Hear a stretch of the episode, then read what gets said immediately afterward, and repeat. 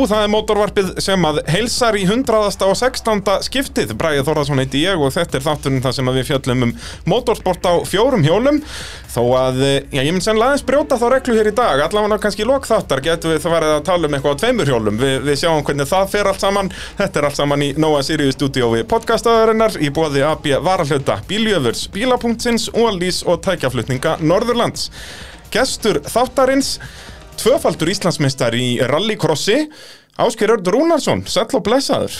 Sælveftu, sælveftu. Það tengja sennilega flestir já, þig við, við náttúrulega Mustangin sem að þú keftir á í, í rallycrossinu hérna hvað, frá 94 til 98 Já, já, það er rétt. Það, hérna, þetta, það einhvern veginn eh, ægslaðist þannig til að að Ford Mustang var fyrir valinu þegar ég fór í motorsport. Já, og þetta er ekki eitthvað svona þú ert ekkert eitthvað grjótarður Mustang maður frekar en eitthvað annað. Þetta bara svona var það sem var í bóði Já, þá má, eiginlega segja það að þetta hafi verið svona eiginlega hending sko, þú veist, á þessum tíma. Já. ég hérna svona framan af þá hafði ég miklu meiri áhuga fyrir litlum bílum fjóruðsendra bílum og var á framdreifsbílum langt mest sko, Já. þó svo að náttúrulega maður fylgist með svona í endan á þessum hérna rallybílum, Ford Escortum og svo leiðis og prófaði að eiga svo leiðis nema bara bílnýtti hana Já, akkurat hérna, ekki alveg hérna með BDA-vélarnar og hvað þetta saman. Nei, nei, nei, en, en Mustang átti eftir elda mér reyndan aðeins lengur heldur en þetta en, en hérna en hérna, ég held ég sé svona alveg þokkalega læknaðar á því þó að sagan sé falleg. Já, Mustang- þetta er náttúrulega mögnu og, hlustendur, náttúrulega glöggi hlustendur hafa nú alveg heyrt uh, nafnið þitt uh, í þessum þáttum, bæði náttúrulega þegar að ég fekk pappa minn í spjall, því að það er nú hann Þórður Bragason sem að kaupir áður Mustangin Já, já. og svo náttúrulega Páll Pálsson sem að kaupir Mustangin á pappa, því að pappi var náttúrulega bara mjög lúmskur og kefti hennar bíl bara til að næra, næla sér eitt byggarmeistaratitil og selda hann svo strax aftur. Já, já, já, já, algjör snild. En þá náttúrulega kemur þetta með að þú talar um að varst mikið fyrir svona, já, litla framdýrspíla og, og allt þetta. Og það þú náttúrulega, er það ekki rétt að mér að þú færð frægu rallysúkuna í skiptum? Jú, þetta var eiginlega þannig þegar ég sel Mustangin sko, þá var, þá var svona rallycross bíl, hann var svona óræð stærði í verðmætum Já, og, sérstaklega náttúrulega svona græjaður já, Já, sko. þetta var mjög sérst, sérstakt að- eins og þetta var sko, hérna, og hérna, en bíl á númerum sem rallybíl var svona eitthvað eitthva, eitthva tekt stærð sko. Akkurat, akkurat, og líka það er svona flokkaskiptingin bara, heyrðu, já, svona Nordec Corolla kostar þetta og þessi tvingni og hérna súkan er þá cirka svona eitthvað skilur, að, en eins og þarna þessi Mustang, það er bara maður veit ekki neitt, hvað Nei, nei, nei, nei, þetta var náttúrulega þetta var náttúrulega eitt af þessum þessum hálgerðu skrýmslum sem örðu til vegna þess að reglurna voru daldið opnar og, Algjörlega. og maður gæti bara farið í búðin og keft meira dóti til að fara hraðar. Já, eins og þú endar náttúrulega í rallycross flokknum og var það ekki basically bara settu veltibúri í þetta og svo máttu gera það sem þú vilt, sko? Ég var svo heppinn með þennan bíl sem uh, var fyrir valinu var það að hann var, hann var tildulega léttur hann var, sko, hann var 1200 og held ég 80 kíló eða eitthvað svo leið sko. og ég byrji í tæpafloknum og, og, og ég gerði það þannig að hérna að eh, ég tók orginal tanki sem var undir bílnum og ég fyllt hann af grjóti og sandi og, og, og Ah. þingdan þannig að ég datt upp í 1320 kíló og hérna það þingdist aftan sem hjálpaði til við það að taka stað. Og, og að því að tankurinn er fyrir aftan hérna hásingu að þá léttist hann að framan aðeins líka. Og hérna og þannig að hérna ég gætt eiginlega leikið mér svolítið með það hvar ég, hvar, ég- hvort ég lægi í sko teppafloknum sem að voru Já. náttúrulega amerísku stóru bílarnir eða hvort ég verið alveg floknum þannig að ég tók bara tankin undan eða ég sett hann undir eftir því hvar, ég- veist, hvar ég vildi vera sko. Akkurat, og var það í raunin einu munur náðum sem flokkum í þessan daga, það var bara þyngt? Á 1300 kíló, það er fyrir neðan 1300 kíló þá Varstu varstu í rallycrossfloknum og fyrir ofan 1300 kíló þá varstu í teppafloknum En svona, já, áður en við förum á byrjunin að langa mér að spila hérna stutt viðtal sem er held í tekið við þig eftir fyrstu keppna 1998 og þá einmitt er, er, ertu komið með þess að þú mynd að selja bílinn og allt þetta og varst búin að vera í ykkur smá brasi í þessari keppnu, við skulum bara fá að, fá að heyra hvaðan, eh, hvað þú saðir. Já, skil þetta keppnistímabil hefst vel hjá þér. Já, það má segja það. Það er uh, svona, já, miðað við það hvað ég lagði lítið undirbúningi í bílinn, að þá, þá tókst þetta ágætlega. Er það tilfell að þú hafi verið heppinn að geta klárað?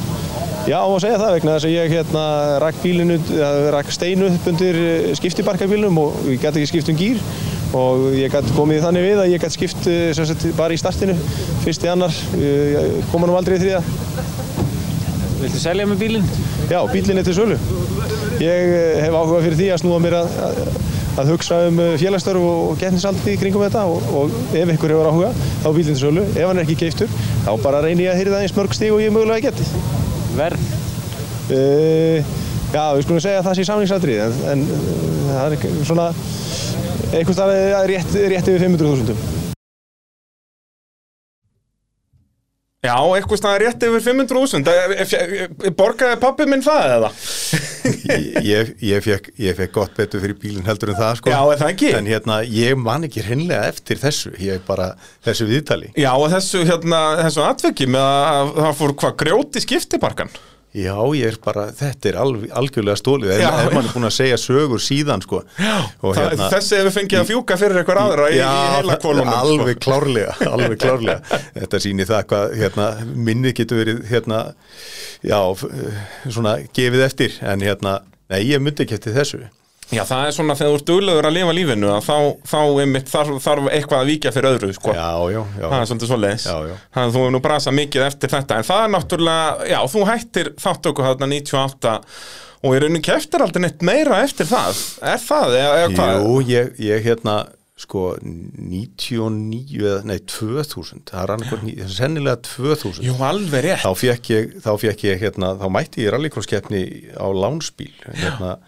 hérna, Sverrir Ingjaldsson átti, átti hérna, mjög magnaðan bíl, Citroen AX Já. sem var búið að setja Saab turbomótor í aftur í Já, Þetta er nefnilega ekki svona kannski fyrsti bílinn sem þetta er í hug í, í rallycrossi, sko. Citroen AX Ég fekk hann lánaðan hjá honum og hérna, það var eiginlega svolítið, svolítið gaman að hérna, mæta aftur og hérna, ég veit ekki hvort að ég hef verið svona uppfullur á sjálfum mér en ég varð var við hérna, mér fannst ég verða var við eitthvað víbring og titring við því að ég væri komin hérna aftur sko. Já.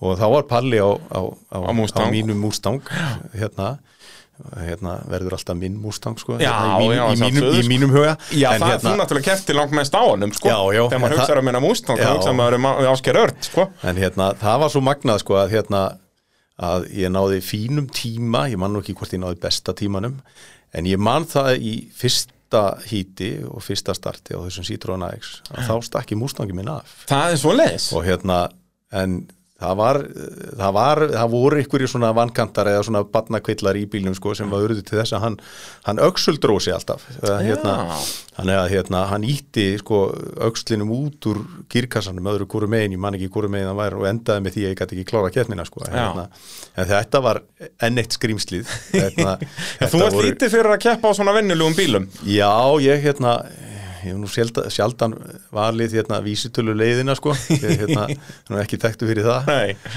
að, hérna, en hérna, já, já. Þetta var líf og fjör. Já, já, já. En hérna, þá bara skulum við fara úr endanum og, og aftur á byrjunina. Hvernig, hvernig byrjar þetta?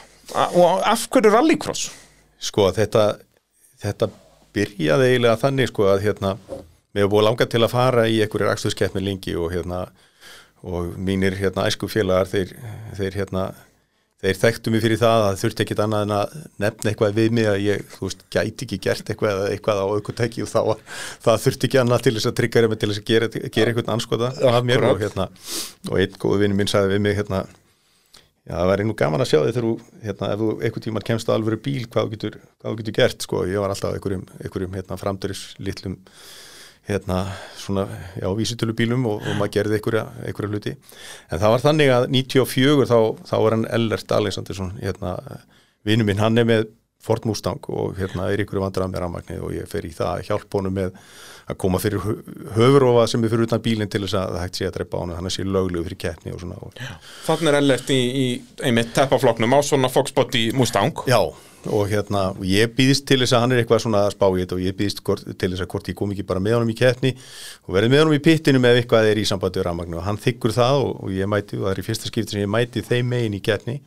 Já, þú hafðir Á eitthvað mætt að horfa á. Já, ég var búin að fylgjast með einhverjum bílum þarna, þú veist, einhverjum einhverjum ofur Volkswagen bjöllum og, og, Og náttúrulega svona Volkswagen Bjöllu Evo, hafði náttúrulega Guðbergur á Porsinum var þannig náttúrulega sigra allt og alla. Já, já, Guðbergur var alveg dóminir að það er náttúrulega rallycrossflokkin á, á sínum, sínum Porsche og, Já, já, og svo var Þórður hérna, hérna, hérna Tóti Durbo, hann var hérna á, á bjöllu þarna og, þú veist, og fleiri og hérna Jón Hólm hafði verið þarna og, og, og, og frægir menn og einar í ET þú veist og þetta var náttúrulega þetta voru menn sem voru þarna fyrir mína tíð og Já, hérna, já, sem að ég mitt er á þessum árum sko frá grifjónum í brautina, þetta náttúrulega breytist svakalega þarna 91 þegar brautin kemur. Við förum úr þessum, já bara grifjubrautum sem voru já, já. en náðu þú eitthvað að fylgjast með því? Þú veist, varst þú að fara Nei. þarna upp á Kjallanes og þetta? Nei, nei, ég, ég held ég hafi einu sinni séð keppnið þarna fyrir neðan úlásvellið á, á Já. hvort það var á ís eða eitthvað svo leið sko. Akkurat, jú, það geti verið þarna, bara 91 eitthvað svona í gæti, sakstur gæti verið sko. en hérna en ég var alltaf, ég var alltaf meira spenntu fyrir að gera eitthvað gera eitthvað sjálfur heldur en að fylgjast með öðrum gera eitthvað sko, Já, já. Hérna, svo, Það er nú yfirleitt skemmtilegra, já, sko hérna, já, já, ég, hérna, þannig að hérna, maður var svona svolítið upptekinn af því en, en hérna en það var svona búið að, nokkru sinni búið að láta sér detti í huga að taka þá til keppni en það var það eiginlega úr þannig að þegar ég var búin að mæta á þessu keppni með honum Ella þá hérna þá áskotnast með Mustang og það er eiginlega bara þannig að, að tveimur keppnum eftir var með honum á rallycrossflutinni þá er ég komið með tilbúin bíl í keppni Já, það er svo leiðis, þarna bara um þá mitt tímabili 94 Já, Já. Og, hérna, og mín hugmynd þarna var þessi bara, já, heyrðu, þetta bara það svolítið sniðut að, hérna, að fara í svona rallycross og vera með og, og hérna, og ég mæti í keppni Já. Og, en þetta er bíl sem að þú græjar, þú, Já. þetta er ekki bíl sem var að keppa Nei, þetta er, þetta var Foxbody bíl með, með, með hérna, ekki með svona, svona liftbakka eða hatsbakka eins og, eins og bílinn hans Ella við með, Heldur svona heldur með svona skott, skottloki. Hérna, Þannig að hann var örlítið fallegri þó Já. að ég hef nú aldrei þólaði þessa Foxbody í Mustanga sko. Nei. svona persónulega en, en þetta er mjög mikið svona lofið að heitt sko. Já, já, já, já, það er hérna, þeir verða sannlega bara verðmættir úr þessu sko, híðan í frá Já, hérna, sko, núna er náttúrulega Ford líka búin að gera svo gott mót með að hafa sko nýjustu Mustangana sko bara rafmax jepplinga að skyndilega er Foxbody í norðin bara mjög flottur hliðin á því Já. apparati sko Já, það er ekki allir sem er tilbúin til þess að gangast, gangast við þessum Nei, ramagsmústangum. hvað er að frétta sko að, hvað, hvað voru Ford að spá? Já. Hvað var markastildin, hvers slað sígarettur voru þeir að reykja á þessum fundið þannig að þeir ákvaða þetta? Þetta er stórmagna sko. Já, ég, hérna, ég held nú samt að hérna, það væri alveg challenge að lenda við hliðina á svoleiðis bíl á ljósum og Já, taka stað, algjörlega, sko. Ég hugsa- rammaksbílarnir eru það er að þó á lendir bara fyrir aftan eitthvað Volkswagen upp með rammaksmótor sko, hann skilur eftir bara SG Impressur og ég veit ekki hvað og hvað. En bara þetta, þetta Já. að vera með, Já, já. þetta er bara jepplingur Já, já, já, þetta er, En- þetta er svo sannarlega öðruvísi. Jú, en uh, aftur að þér þú, þú mætir þarna mitt tímabil 94 uh, græjar bílinn þá hvað, mestu sjálfur Já, ég fæ hjálp frá honum hérna Halla í Gretti, hann var, Mm. ég var með vekstaði hérna við hliðina á Gretti þarna niður í Ármúla og hérna, og þú alltaf með í, í bíla rafmagni varst þarna, setja græjur í bíla og bara svona alls konar rafmaks já, já, já, og hérna hann hjálpaði mig með veltibúrið og hérna og við skáldum þetta einhvern veginn saman þannig að bílinn verði tilbúin hann að 94 og ég held virkilega í mínu hjarta að ég geti farið í rallycross og hérna verið með. Og hérna ég kemst á því bara eftir fyrstu keppnina þar sem ég er langsamlega síðastur á, á hérna í teppafloknum að hérna það er ekkert sem heitir að taka þátt í keppni og vera bara með. Það hérna þannig að allavega ekki, fyrir mig, bara- allavega ekki fyrir mig á þessum árum sko, Nei. það, hérna, þetta er bara allt eða ekkert þannig að hérna, það var eiginlega bara þannig að þarna byrjaði bara kapplöpið sko, þú veist að hérna, búnaðar kapplöpið að, að einhvern veginn að gera eitthvað til þess að geta að fara hraðar og hérna En hvernig, þú mætir með hann fyrst þarna og þá er þetta sem sagt bara svona tildulega standard Mustang komin var fátt af vélinn vissulega, bara Já, hvað fékk- 302 eða Já, hvað það ég heitir? fekk að með 302 vél og, og hérna virkaði svona ágætlega fannst mér allavega að það heyrðist hljóði í honum og, já. og hérna, það var líklegt til að gera eitthvað sko. Og hvað, var læst drif í honum og eitthvað svo leiðis? við, við þarna, þarna þetta ár þá tók ég drifið úr honum ég sauða sko. Já. þannig að það var bara svoði drif Bara gamli skólinn? og það þótti ekki tiltökum máli í þessum, þessum hérna, teppaflokk að vera með hérna, raskatið út til hliðar í gegnum alla beigur og hérna og þannig að það var bara leiðin og ég man það að ég fór og talaði við hérna þá hérna stráka í, hérna felsmúlanum, hérna vaksbræður hérna. Já, akkurat, hérna Birgi fel- og þá já, já, og, og þú veist, til þess að skoða eitthvað hvað, hvað ég ætti að gera í dekkjum sko, þú veist, það, þetta var eitthvað, þú veist. Og ég fekk þessi ráð sem að hérna, ég sé alltaf þótt svolítið skondið eftir á því ég hefði ekkit vita á þessu, já, þú ætti að fara í, sko, þú ætti að taka hérna sendibíladekk sem eru áttastrigalaga og setja á hana framann veist, og, hérna, og ég bara, já, ok það, það voru dekk sem að voru, sko, þú veist, ef við getum talað um prófíl á hæði og dekkjum þá held ég þetta að það verið 100% sko hæð og hérna, og ég mann það að það var til mynda á honum svona rauðum sem að var sérstaklega líturinn í honum, á honum hérna 94 já.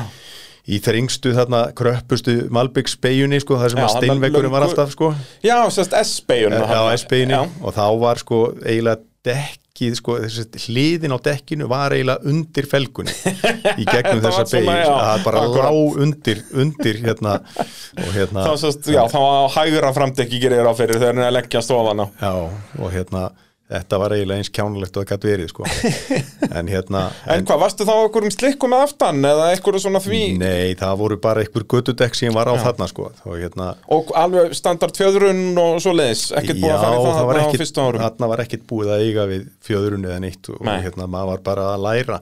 Og þetta var eiginlega þannig, bílinn var náttúrulega sjálfskiptur eins og þessi bílar voru og hérna og þetta var þannig sko, þetta var allt svo nýtt og þetta var allt svo krefjandi fyrir mér að ég man það að fyrsta hérna rigningakeppni var þannig að, að ég var með svo mikil tunnel vision að ég ég vissi ekki og ég var að fálmót í loftið að hérna rófanu til þess að kveikja rúðuþurkonum ég, hérna, veist, ég, ég sá hann ekki sko, veist, að, að, hérna, samt var ég á sjálfskiptum bíl sem að, sem að skiptir sér sjálfur og ég var bara að snúa stýrinu, engu öðru sko. Og hérna, þetta var þetta var þann, og við veitum náttúrulega adrenalin á fullu sko, þetta var allt nýtt fyrir manni sko. En hérna en hérna, þetta var samt, þetta var fyrsta árið, þetta var skemmtilegt og hérna, og ég man það hérna að sko við Elli sem vorum góður vinir og, og hérna það kom eiginlega strax upp um leið og að snýrist eitthvað um keppnina þá var komin keppni á millokkar sko. Og, hérna, og kannski meira á milli mín og hans til að byrja með heldur en einhver annar vegna þess að við vorum báður á Mustang og báður nýbyrjaðir Er Elli, sem sagt, byrjar hann þarna bara vorið 94 basically já, Já. hérna Þetta er henni bara hans fyrsta keppni sem þú mætir með honum hann upp á bröð já, já. og hérna það var svolítið, það var svolítið fyndi sko, hérna, það sem átti eftir að fylgja þessu svolítið sko, kannski gerir það með öllum keppnum. Það var svona ákveðið svona sálfræði hérna, svona, svona taugastríð og ekki bara milli mín og Ella sem að, þú veist, við vorum náttúrulega góði vinnir og allt það og hérna ég manna það ég fóru einhvern tíman í bílanust og hérna, og það vissu náttúrulega allir hvað maður að gera og svo og, og hérna koma afgræsluborðið og þeir voru eitthvað sporskir á svip hérna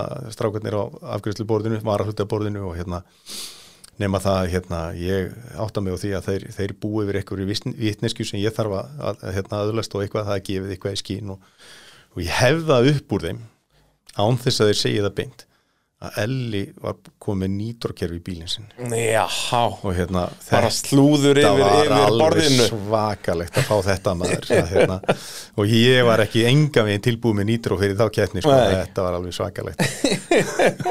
Og þetta er þarna þá bara hvað 95-6 eitthvað Þetta er svoleiðis. 94 held ég eða 95, ég man ekki alveg sko hvenar þetta er en þetta, ég man svo vel að þetta var svona þetta var algjört leyndamál sko en, Já. en það kvisaðist samt út sko. Að sjálfsögðu eins Já, og já. alltaf þegar það er eitthvað svona Já, sko, já, já. þá er þetta áhugaverðasta í bænum í, í nokkra daga.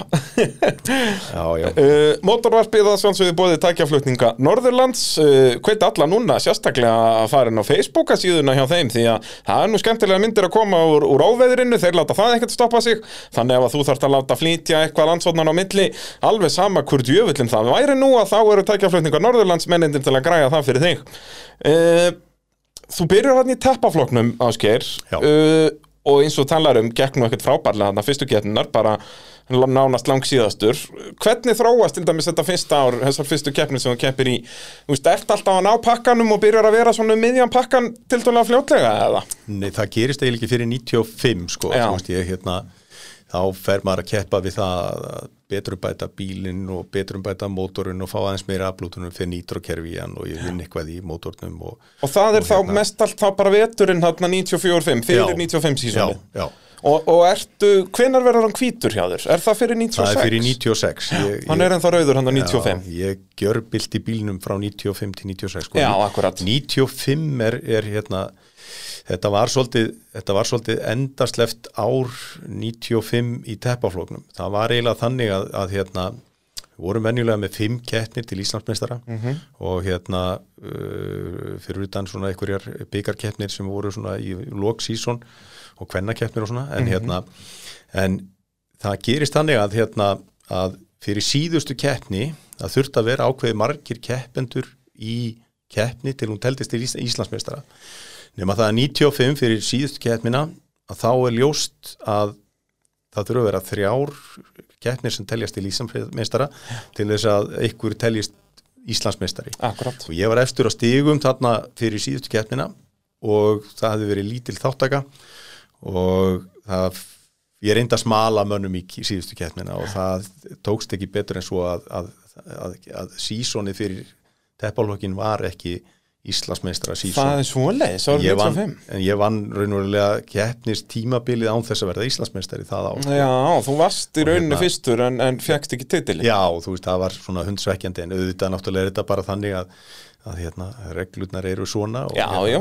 það er nú eitt svona sem sem fylgdi mér í gegnum þetta var það að ég, ég hérna ég lúslas alla reglur ég, hérna, Hvað er það bara svona þinn karakter? Þú ferð síðan mjög snemma pæla í þessu og, og ferð síðan setna í stjórn í ekki bara rallycrossi þetta bara fer, fer svolítið hinum megin við borðið í motorsportinu Já. Er það bara svona þinn karakter veginn? Já, ég bara, þú veist, ég, ég er einhvern veginn þannig að hérna, við bæði ger, verið gert hérna, já, góðlega hlægt grína mér að ég þurfa alltaf að lesa bókina sko, þú veist, Já. áður ég byrja og ég er stundum útskýrtað þannig að hérna, ég, ég, hérna, ég, hérna, ég er svo latur, sko, þú veist, þegar ég ætla að gera eitthvað þá þarf ég að vita hvernig ég gera það, því ég nenni ekki að gera það tvísvar, sko, að, Akkurat. hérna, en það eru, ég hef gaman að því að, þú veist, að ég sekk mér hún í hlutina, þú veist, þegar ég fæ áhuga fyrir þeim, að þá bara fer ég, fer ég á kafið og bara hef gaman að því, þú veist, að taka það alla leið inn, sko, Já, akkurat, akkurat. Þannig að, hérna, Þannig að það var alveg eins í, í motorsportuna þarna, þó var þessi tilfælega nýbyrjaður að, þú kunni reglurnar í íþróttinni sem þú varst að keppa í já, ég, sem er nú ekkert sjálfsögðar hlutur í motorsporti í dag sko. Nei, nei, nei, nei, ég hérna það var tauga titringur yfir því að ég og Elli komum með þessa uh, Foxbóti bíla sem töldust vera náttúrulega mjög léttir Já. ameríski bílar og menn höfðu verið þarna náttúrulega á stórum og þungum prömmum sko, þú veist, og, og hérna og meiri segja það sem voru léttu bílarnir áður sko, eins og Já, ég að já, og veist, þeir eru samt 1500 já, kíló, þeir voru samt hellingsþungir sko.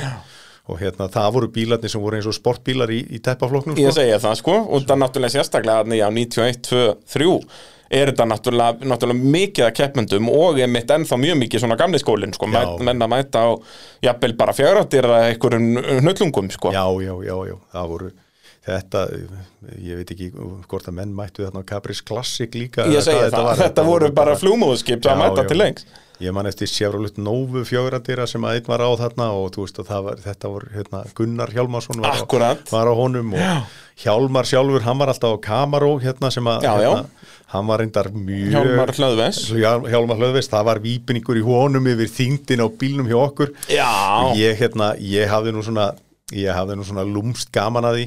Ég þekkti reglurnar alveg eins og handabækið á mér. Og hérna ég sagði bara við hann, þú veist, ef þú heldur að ég sé ekki að fara eftir reglum, þá verður þú bara þá verður þú bara leggin kæru á mig. Já, já, hérna- bara við getum veikt að bílinn. Og ég man eftir því að einni keppni sko, þú veist að hérna, þá þá fyrir hans tilstulan þá mætti þá hann koma hérna, með liftara með vikt þess að vikta bílana. Og hérna og við höfðum alveg eh, hugmynd um þetta bæði ég og Elli og ég var með viktarseðil í, í brjóstvasanum á, á hérna gallanum mínum sko tilbúin sko og ég beði bara eftir hvað keppnis hérna stjóri myndi gera sko hvort hann myndi nýta sér þetta en hann ákvað bara heyrðu þú hérna Hjalli minn, þú voru bara kæra ef, hann, ef, ef þú vilt fá hana viktina, sko. þú, þú, þú mætir ekki með vikt og lætur vikta aðra keppendur að þínu, Nei, þínu frumkvæði. og Nákvæmlega hérna, þetta var svona ég hafði lúmst gaman að þessu sko, veist, það var, það var, það var þessi það var þessi tauga titringu sem fylgdi stundum sko, og hérna, En þú veist, þetta sýnir bara að það er alvöru keppni þess að ef að fólk langar að vinna þá að sjálfsögðu gera menn allt þetta og þannig á það er raunin að vera. Ef það er allir bara svaka, go happy, go lucky þá er náttúrulega ekki dundir og þá getur maður alltaf verið heima hjá sér sko. já, já. Ég er sko, þú veist, ég er að ná, ná tökum á bílnum mínum þarna um, um það leiti sem að sem að Guðbergur hættir með Porsin Já. og það var enginn sem átti breyki hann Hann var búinn að vera meistara þarna bara einhver þrjú ári röðið eitthvað í, í rallycrossfloknum 900 kíló bíl með, með, með hérna 6 lítrar rassmótor sko, þú veist það er enginn sem á séns í startið á svona bíl Nei, og svo náttúrulega er þetta bara Porsche sem að höndla líka ágætlega Já, gegn beigurnar já, sko, mikil ósköp. og náttúrulega Guðbergur átti hann ekki brautina hann, hann var hann öll kvöld líku það hefa sig Ég segi það nú ekki, þeir, þeir gerðu nú fína hluti þarna að byggja þessa braut sko, hérna, bjargaði þessu. og Einar Eti og, og fleiri sem koma því sko. og hérna og það var nú þannig sko að ef það hefði ekki verið fyrir hérna dræfið í þeim að halda eins og að halda keppnir þá hefði ekki verið neinn hérna rallikursbraut fyrir okkur hína til þess að keppa á sko. Nákvæmlega. Og það er einmitt þarna sko, ég held ég 96 sko þegar maður Guðbergur er þá hættur.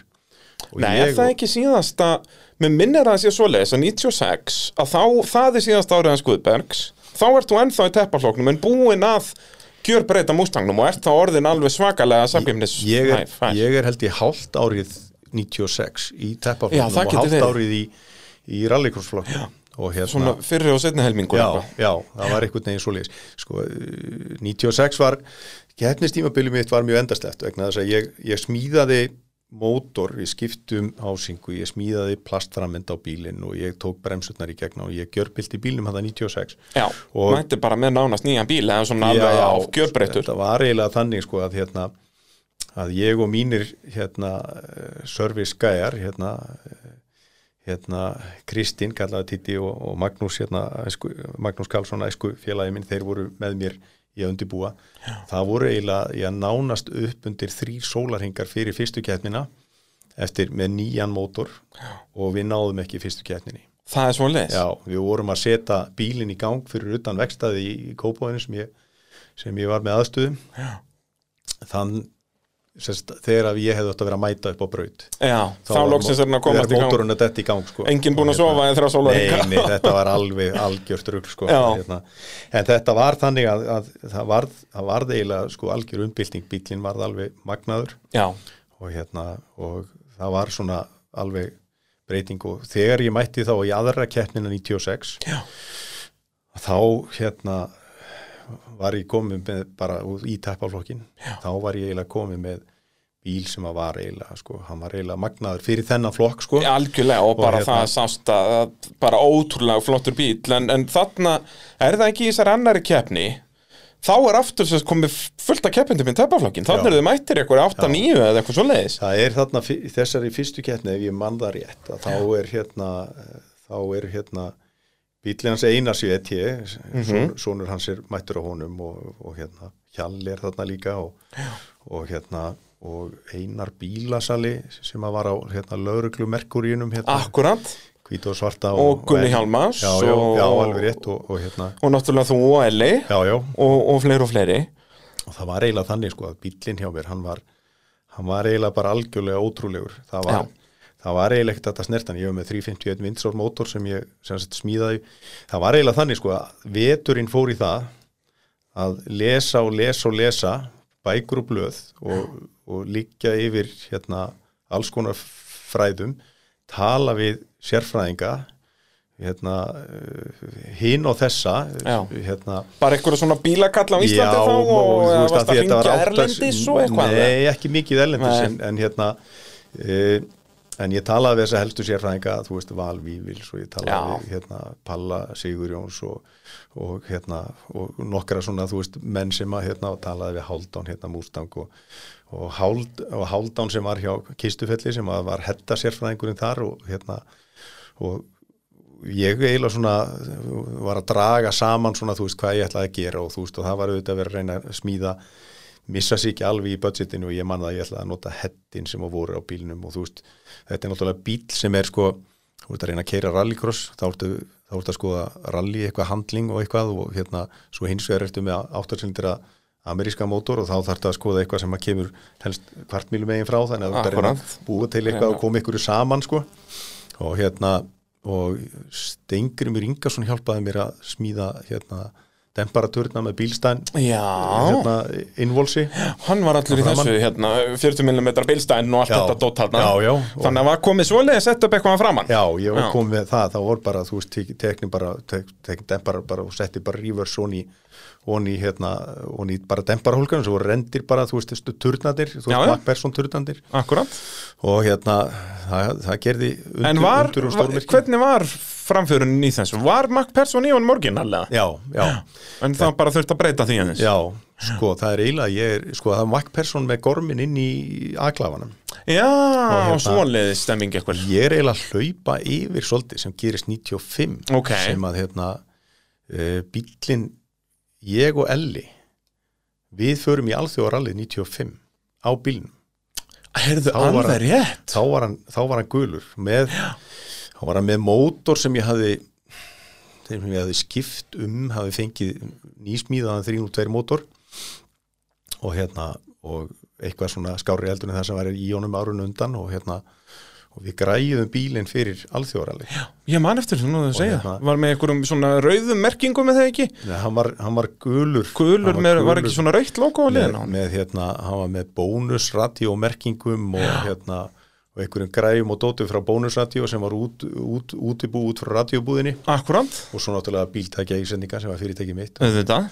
Og hérna við fórum í alþjóðaralli, þryggjadagarall og hérna þetta verður nú eiginlega að fylgja með þessum bíl sko, þenn mönnu þótti þetta nú algjörlega magna að Ford Mustang væri skráður í rallikeppni og þar af öllu í alþjóðaralli, þryggjadagarall Akkurant nema það hérna að, að hérna þetta var svolítið skemmtilegt ævintýri sko. Ég ekki trúa því, og hvernig, hvernig fór þetta? Þetta fór eiginlega þannig að, að strax á, á fyrstu sérleið sem var kleifa vatn á föstudagskvöldi að þá held ég að ég myndi ekki ná fyrstu beigunni og hérna ég hefði keift hérna notu rallydekk sem voru Michelin með svona, með svona hérna ofbóðslegum styrkingum á hliðunum sko, þú veist, og menn sögðu við mig sko, þetta, þessi dekk, það er ekki hægt að sprengja þau og ég bara, ok, og svo nema það að hann er ekki það sem kom mér á óvart sko, hvernig, hvernig dekkin áttu eftir að endast heldur það gripið og það var bara í fyrstu beigju og hérna, Elli hafði aldrei verið kóari en hann var að kóa hjá mér Og hvað voruð þið búin að leiða að skoða og skrifa nótur og Nei, eitthvað? við, við, fengum, við fengum nótur frá hérna, Steppa Áskirs. Já, heitnum. Já, og hérna og hérna, nóturna voru náttúrulega miðaðar við hérna Vítek þá, þetta var ekki á ennsku þá? Jú, og þetta var alltaf á ennsku og hérna, ég held þetta, hvort þetta var frá Vítek allavega ég fekk þetta hjá Steppa það, ég held Áskirs að Steppi hafi verið með Vítek Já, já, var, já, það var það þarna og hérna Þannig þetta hefði verið bara eitthvað left five og eitthvað dásamlegt allt saman. þetta, var, þetta var eiginlega þannig og maður var með þryggja gíra sko, sjálfskiptan bíl sko. Og hérna- Þýðir lítið hérna hérna- left six into right four. það er eiginlega, þetta var mjög sérstætt en málið var það hérna, hérna, að ég var svo hérna, bara þeirra fyrsta beigja ég fór allt og rætta þegar og þetta var náttúrulega bara kappið og keppniskapið sko, að hvernig tekur að staði ralli nú náttúrulega með gjöfin í botni. Það er náttúrulega svo liðs og svo kemur fyrst að beigja já, heyrðu, þetta var kannski aðeins svo mikið. Já. en við náðum beigjunu og það var eiginlega kom mér rosalega óvart hvað þessi dekk grípað maður. Hérna á, á svona eh, pjúra möl sko, að þá er þetta alveg dásamlegt. En þetta var eiginlega þannig að sko að hérna, ég keirði sjónakstur hérna, langleiðina af þessu Já. vegna þess að Elli, hann var svo hrættur að hann gati eiginlega vallega lesið neitt úr leiðabókinni. En þó kom hann inn setna við komumst að því að, að hérna kælikerfið í bílnum við höfum ekki náða að keira þennan bíl til þess að skoða eitthvað eða gera eitthvað. En hérna vaskassin og kælikerfi var allt og lítið fyrir hennar mótor þar sem var að taka út úr honum. Já, og sérstaklega hérna- náttúrulega að keira 30 km í senn sko. Já, þú veist það, hérna, en það sem við ákváðum eiginlega þarna sko bara strax það bara, heyrðu, förum eins langt og við förum og þú veist þessi, þessi mótor, hann kemur ekki til að lifa þessi keppni, það er bara svo leiðis og við bara, að þú veist, tekið svo ákvörðin snemma bara. Það var bara tekið þetta kvöld sko, nema það að, fyrir þetta, þá var alltaf að sjóða á bílnum þegar við komum út af sérleiðum og, og á sérleiðum og allavega sko og hérna, og við vorum að reyna að bjarga vatni, þú veist, uh, hellabílinn og svo leiðis. Ég man það að við vorum við vorum að reyna að hugsa hvar við vorum í tímamastinum og við vorum konum með refsingar og allavega þú veist út af, út af þessu vesinni og, Já, já, alltaf þurfa að kæla bílinn inn á milli og svona. Já, síðasta leiðin þetta kvöld var hérna djúbáðsleiðin hérna tilbaka sérsagt í áttina Reykjavík og hérna og hérna og við vorum eiginlega alveg klárar því og erum að dett út og hérna og þá voru að rigning, alveg grenjandi rigning og djúpa vatni var náttúrulega eins og það verður vest sko, þú veist,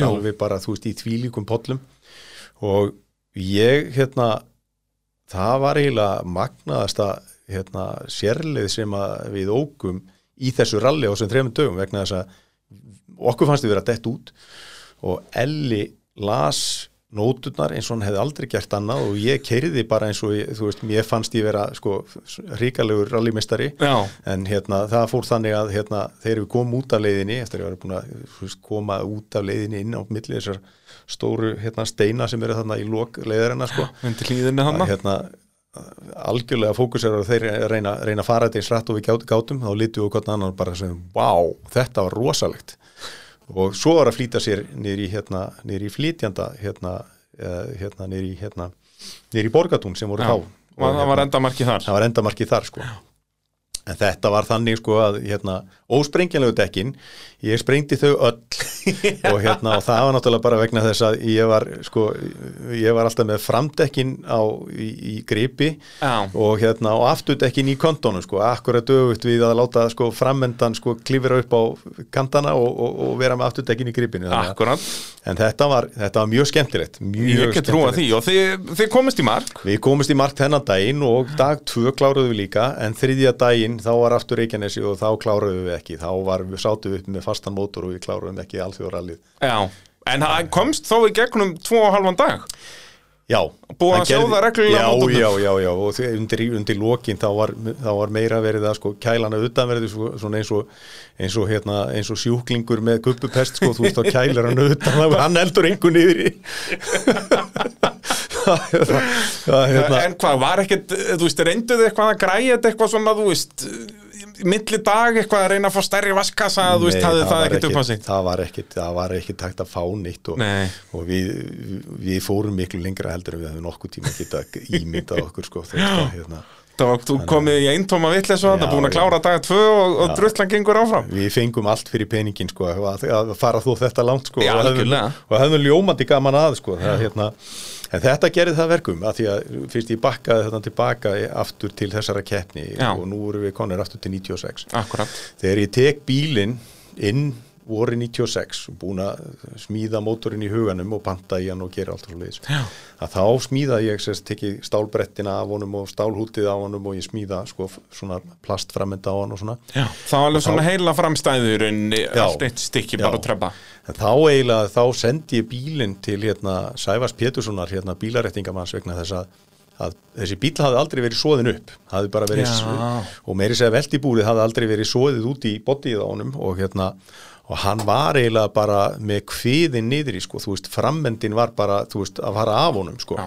og hérna, þannig að hann fór í, í réttingabekkin hjá Sævari og Sævar sögð upp, sögð upp hérna, sem sagt, eh, svona þeir eru náttúrulega, þú veist, ekki grindarbílar heldur náttúrulega bara svona Bara- stuppur að grinda framan og Já, stuppur já. að grinda aftan og svo body sem heldur hinnu saman já. þannig að hann sögð hann upp og sliðis þannig að ég geti nú látið eitthvað að passa á hann og hann hefði nú eitthvað styrk og hérna, Já, myndi ekki svona breyta um form bara í annari hverju keppni já, þannig að hérna, þannig að það var nú það var nú, það var nú svo leið sko og mótorin var náttúrulega handónýtur sko, veist, að vilja Þannig að það þurfti að fara að græja nýjan mótor. Púslar þessu saman sko, þú veist, og hérna, ég man það þú veist að hérna, ég ætlaði að spara mig það að kaupa hetta á bílinn, hetta á vélina og, og, og hérna, og búin að skoða ykkur myndir og eitthvað það. Á þessum tíma var náttúrulega ekki dægt að fara eitthvað á netið eða YouTube eða eitthvað til þess að maður var það Þú varst bara að lesa blöð og ég var, eitthvað. með, ég var með svona læknatösku sem að allan veturinn sem ég fór með heim og í vinna og heim og í vinna hlaðin á bókum og blöðum sem ég las og las og las og las og las og hérna,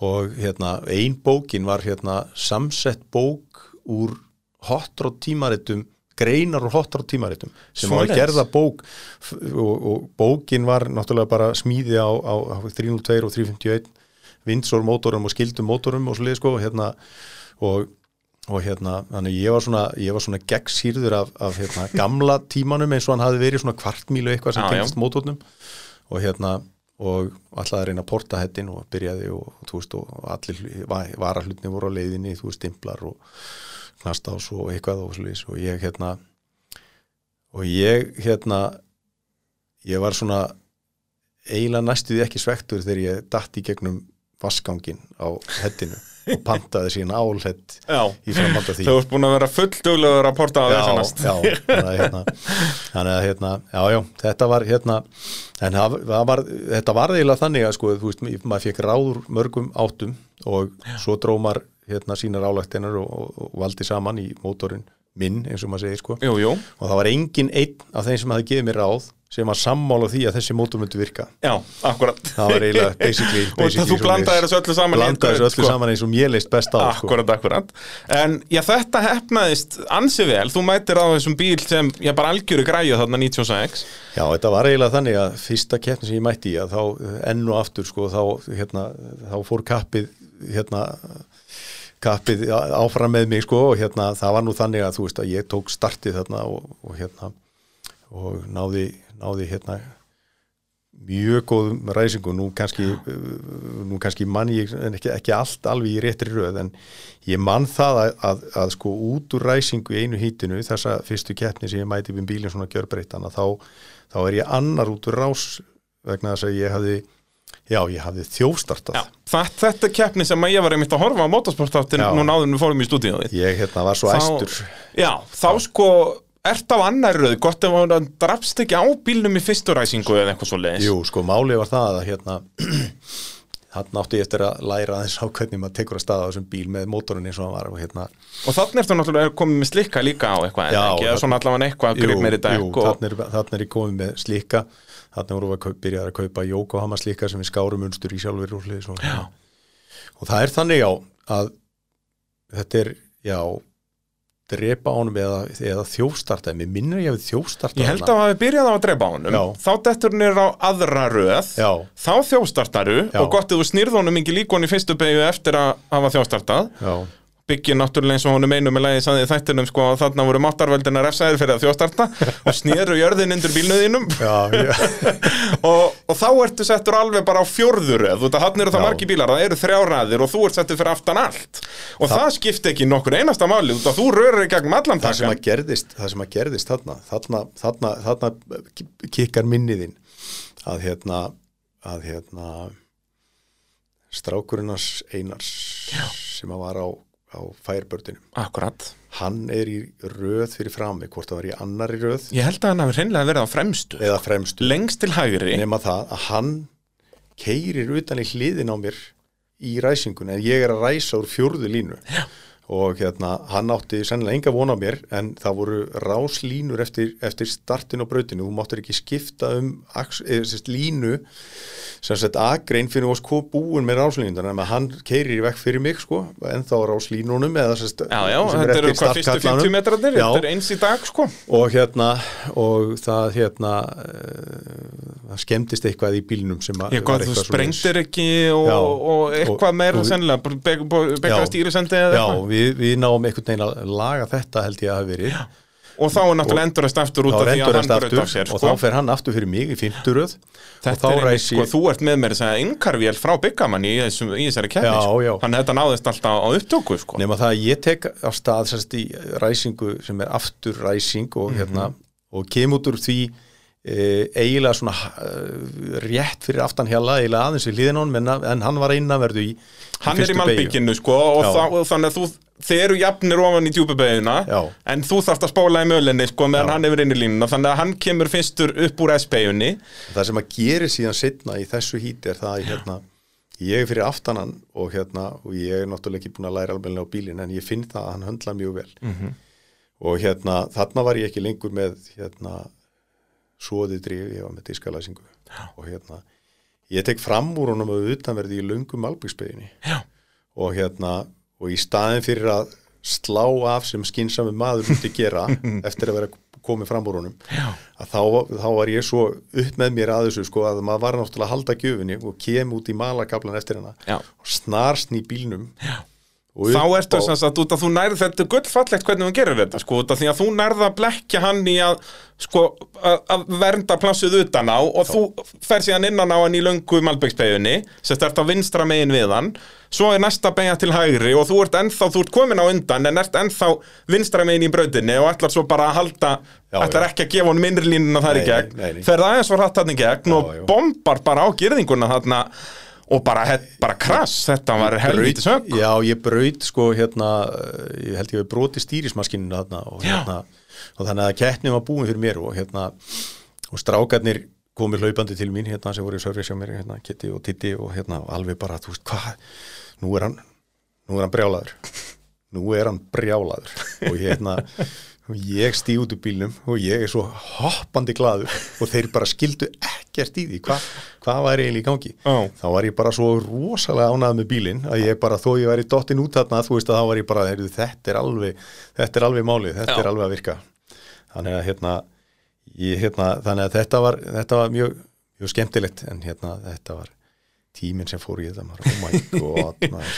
En er það þá setna þetta ár sem að þú færiði þá yfir í rallycrossflokkin? já, Nærðu þá að keppa, er hættir Guðbergur um mitt ár þarna eða nærðu að keppa við það? ekki, ég, við keppi við hann eitthvað sko Og- það hlýtur já, að jú, sko. jú, jú, ég man það, ég keppti við hann einu, ég, ég man eftir einni keppni þess að ég keppti við hann Og þarna Það er náttúrulega það Guðmundur Páls á eskortinu, þetta Já. eru svaka græjur já, þarna, já, sko.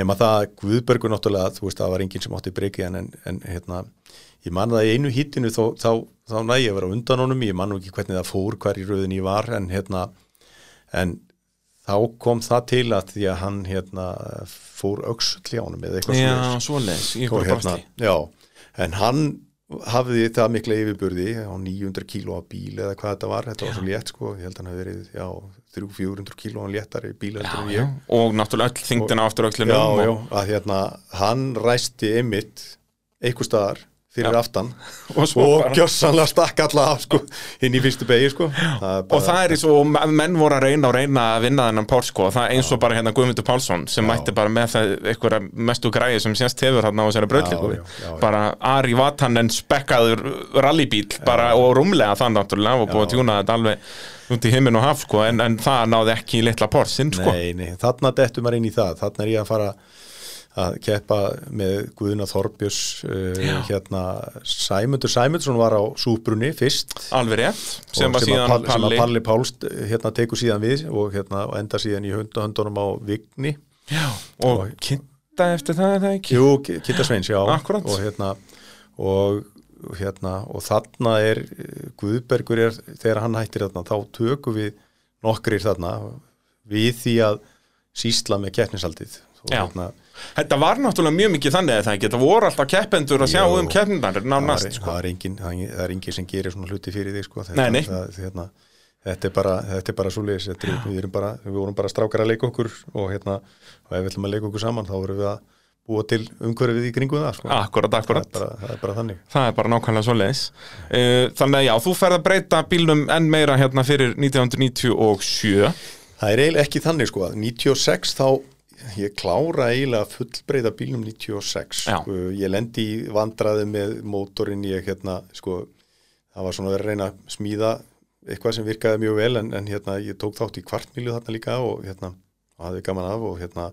en ég skipti ekki um kveikjuna þegar ég smíðaði mótorinn og kveikjan í bílnum var, var hérna bara orginal Ford kveikja hún var svo slitinn að kveikjutíminn var alveg út um allt og hérna Ah. og ég í kvartmílunni þá var ég með, sko ég, ég hafði bætt við hérna ég, var- 95 kefti ég allavega nýtrókerfi sem var svona plötukerfi undir blöndung og svo áskotnaðist mér annað svona kerfi og, og í bílnum voru tvöfalt nýtrókerfi Já, það er að segja tvær svona 125 hestafla nýtróplötur ok og þannig að þú gast verið með aðra eða, eða bæðir hérna já, já og varst þú vantanlega að vinna með það í kvartmílunni bara já, ekki 250 hestöfl? Já, ég gat aldrei notað í rallycrossinu vegna þess að ég fór bara hægara af stað þegar ég gas, gasaði bílinn sko. bara meira spól þá meira spól bara, hann hafði ekki, ekki gripið það. Menni, en hérna, en á, á En í raskaflanum í kvartmíl- kvartmílunni í það er, er nú annað. Já og ástæðan fyrir þarna þjóstartinu eða þú veist þessum vandræðum að í fyrstu keppninni var, var svo að hérna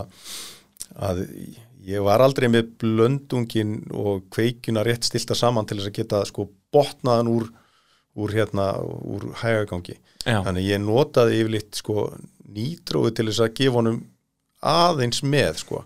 Akkurat, og hérna, þannig að hérna en í kvartmíljunni þá brendi ég sko stimpil og hérna út af kveikjutímanum þá, þá þú veist og ég þurfti að slífa mótorinn, þannig að mótorinn fór úr bílnum tvívegis þetta sumar 96 þannig að, að hérna, það var eiginlega ótrúlegt að maður skildi nú ná þetta mörgum keppnum og var alltaf með þetta í höndunum sko. Já, já, þetta er alltaf upp á borði Þetta voru svona barna, barnakvillar í þessu. Akkurat, akkurat, og náttúrulega þegar þú ert með svona tjúnað dót að þá er náttúrulega þetta alltaf meira vesen á því. Já, já, Það er svolítið svoleiðis. Ég man það sko 97 og 98 þá er bílinn bara breytið um lit á bílnum og ég hérna ég man það ég fór í bílanöst og hérna bílanöst var minn aðal sponsor í, í, hérna, í þessu og hérna stóðu sig gríðarlega vel hafði mikla og góða, góðan stöðning frá hérna Mattiasar fjölskyldunni og, og hérna og ég labbaði inn og sagði, ætla nú ætla ég að breytum lit það, það er því þá þriðji liturinn á bílnum frá því ég byrjaði að keppa. Akkurat.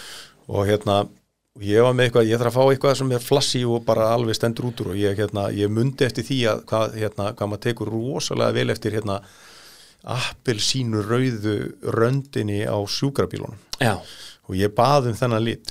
Þetta var, þetta var rándir litur og ég en ég með er þetta eitthvað sem að var bara til upp í hillu þarna eða þurfti Já, að þetta var til og hérna, ég held ég hefði klára lagarinn, þetta voru ykkur, það voru þrý lítrar eða eitthvað sem ég keipti í það Já. og þetta voru á bodyið á bílnum sko, og hérna, og enda náttúrulega bara ekkert smá iconic Já, dæmi, sko, já. hann var alveg geggjaður í þessum lit, sko, líka með, þú veist varst með svona ring utanum rásnúmerið, sko, og það var gullt og Já. þetta var bara, Þetta var- var eins og eitthvað sex ára krakkja við Ég- fatt upp á þessu, sko, þetta var dásamlegt. Þetta var eitthvað sem ég hafði séð þú veist, hérna, eitthvað, eitthvað svona lítakombo og naskar eða eitthvað svona, þú veist, Já, að- veist, risastór númer á hliðunum, sko, veist, hérna, þannig að, hérna, fannst það voða spennandi. Já, já, og þetta er náttúrulega svona hálgerur NASCAR bíl Já, svona, já, veltubúri var mjög svona NASCAR-legt manja, þetta voru svona tveir hérna, það var ekki kross í hurðinni heldur svona tveir, uh, tveir bar eða Tveir þannig, sko. málið er að ég, hérna eh, tók hurðarnar af bílnum þarna 90, upp- í byrjun ás 96 og hendi þeim og búin að búa til afsteipu af hurðum úr Já. plasti.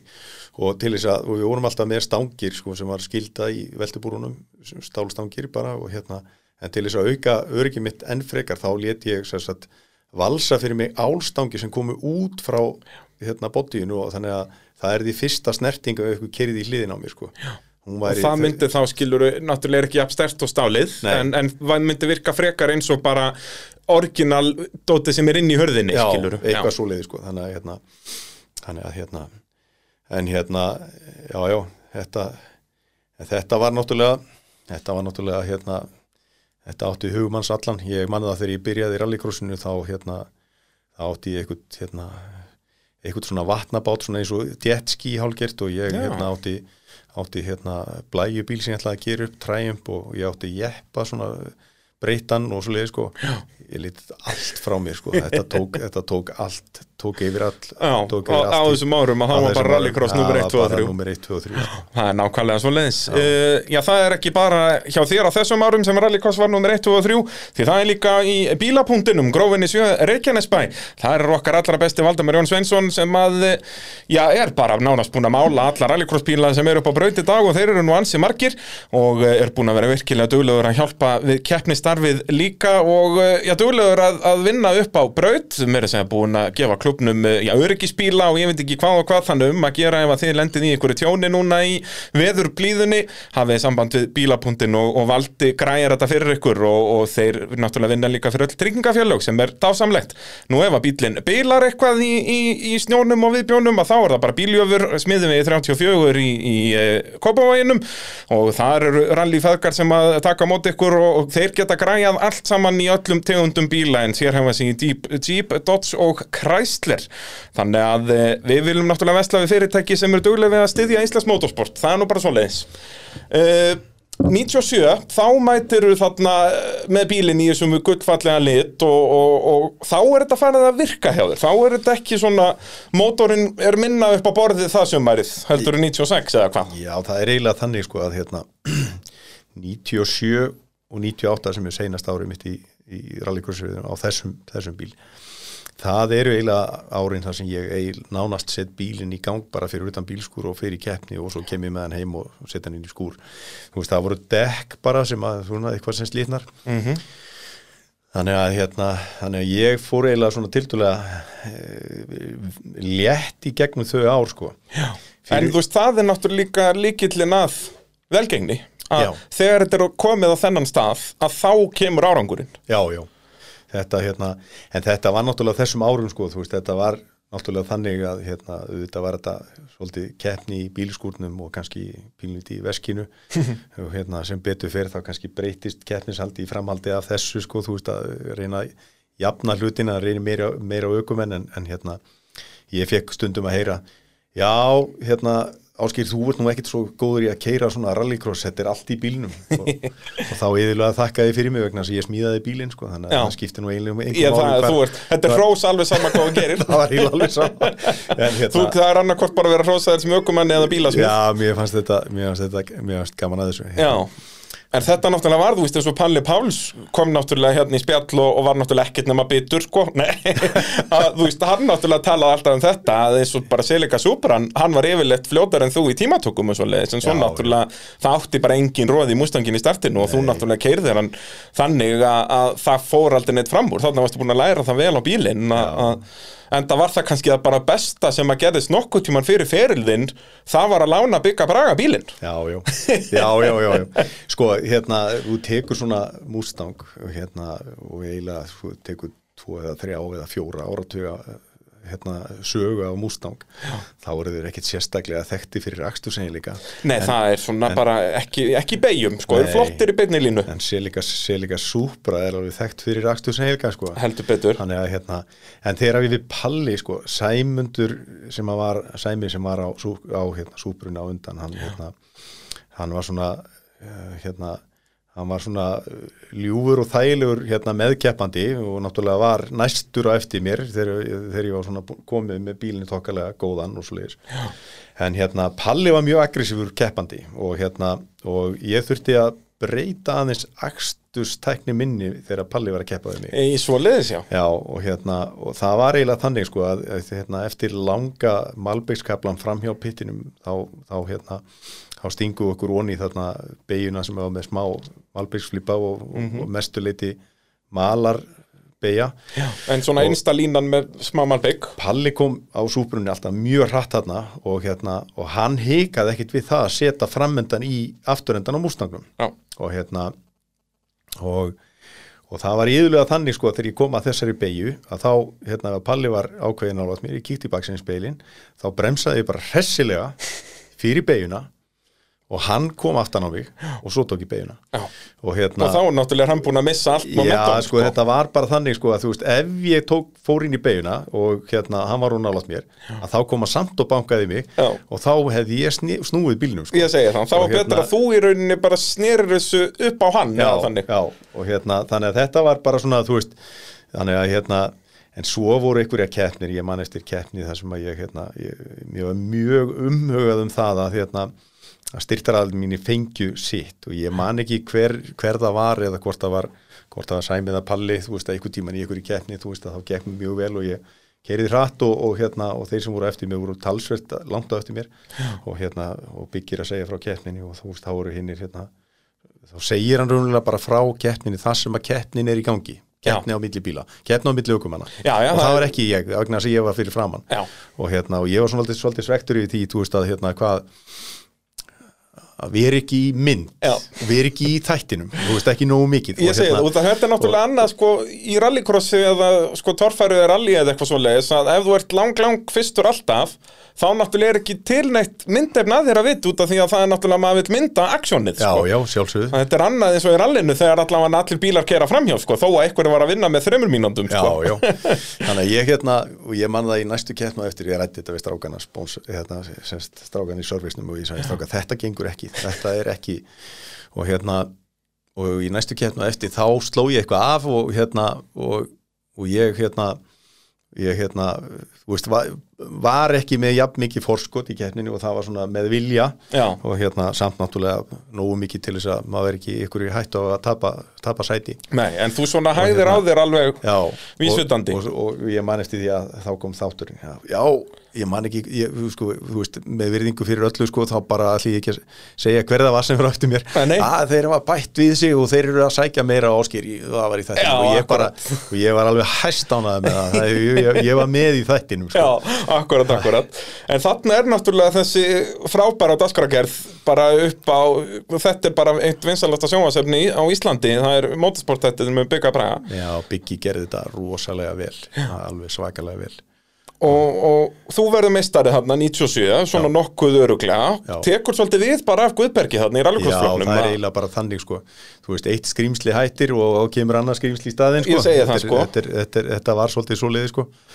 Og hérna, ég hafði alltaf áhyggjur af Ég hafði alltaf áhyggjur af því að það kem ykkur og myndi, hérna, veist, hérna, taka mína stöðu og, og veita mig meiri samkeppni og hérna og, og hérna og það, hérna, það vissi það nánast engin nema mitt nánasta fólk að því fleiri keppni sem ég vann og því betur sem gekk því stressaðri var ég Já, akkurat og hérna Það eru einhvern veginn meira að tapa eða svoleiðis. Já, ég bara, þú veist, gerði bara kröfu til sjálfs mína, ég bara, ég, þú veist, ég er bara að halda mínu, þú veist, og hérna en ég átti, ég átti ákveðna ákveðna hluti í bílabreitingu upp í erminni sem að, hérna það var alltaf þannig að ég var alltaf með eitthvað, eitthvað skonar þó svo ég hefði tekið þennan þunga tankunda bílnum Já. að þá, hérna, þá, þá tók ég undan honum, sko, hérna tankin sem var undir honum, sko hérna, or, orginal bensintankin orginal bensintankin og hérna Og varstu þá bara komið með svona einhverja sellu í skottið?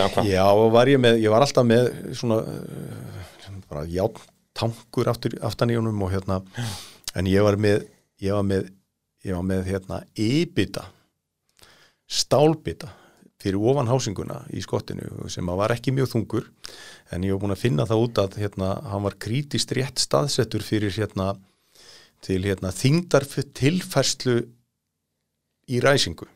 Þannig að hann, hann, hann hjálpaði til við að, að hérna, við ræsingu úr kyrstöðu veist, að, að þá hjálpaði hann til við að flytja meiri þingdi yfir afturdekkin Já, og hérna og ég var búin að tekna upp og búin að hérna, stúdira betri útgáfa þessu sama sem ég setti svo aldrei í bílinn. Nei, nei.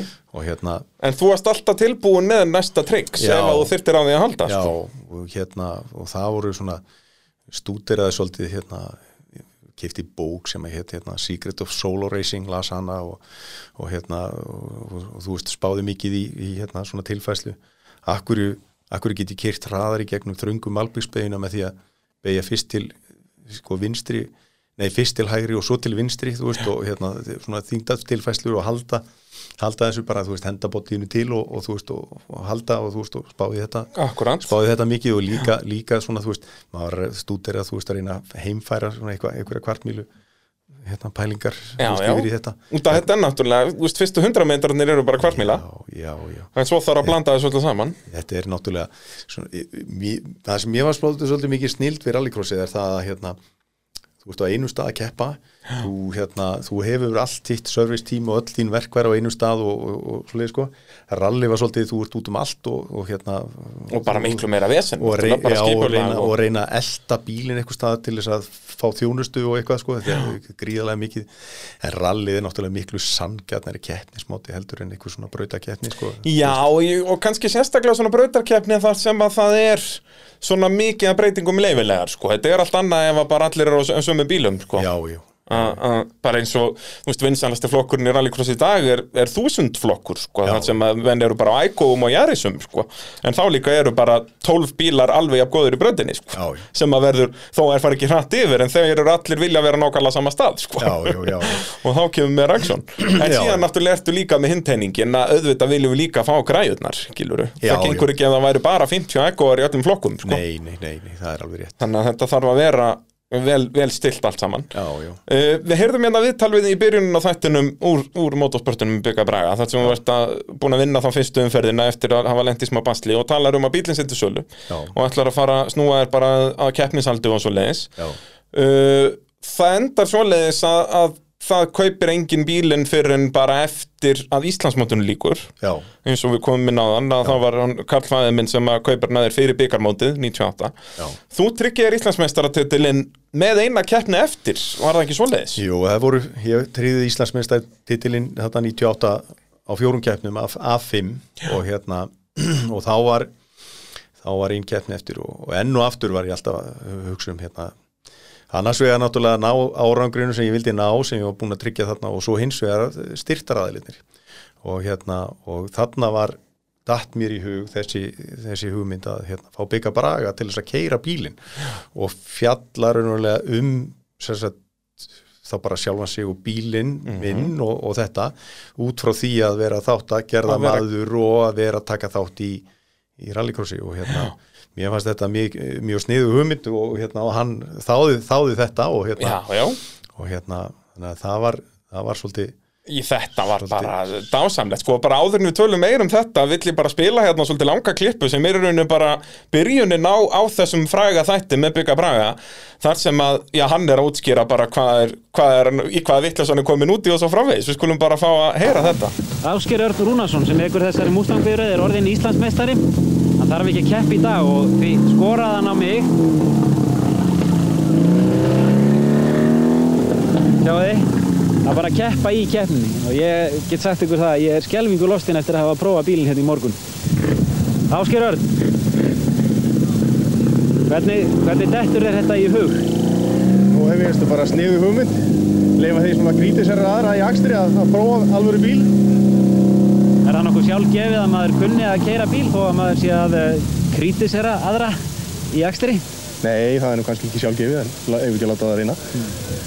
Já, ég uh, læt slag standa, ég ætla að prófa þetta en uh, er ekki rétt að ég skori þá Ásker að taka að sér þáttinn núna, gera svölu Ásker Já, ég veit ekki hvað það er.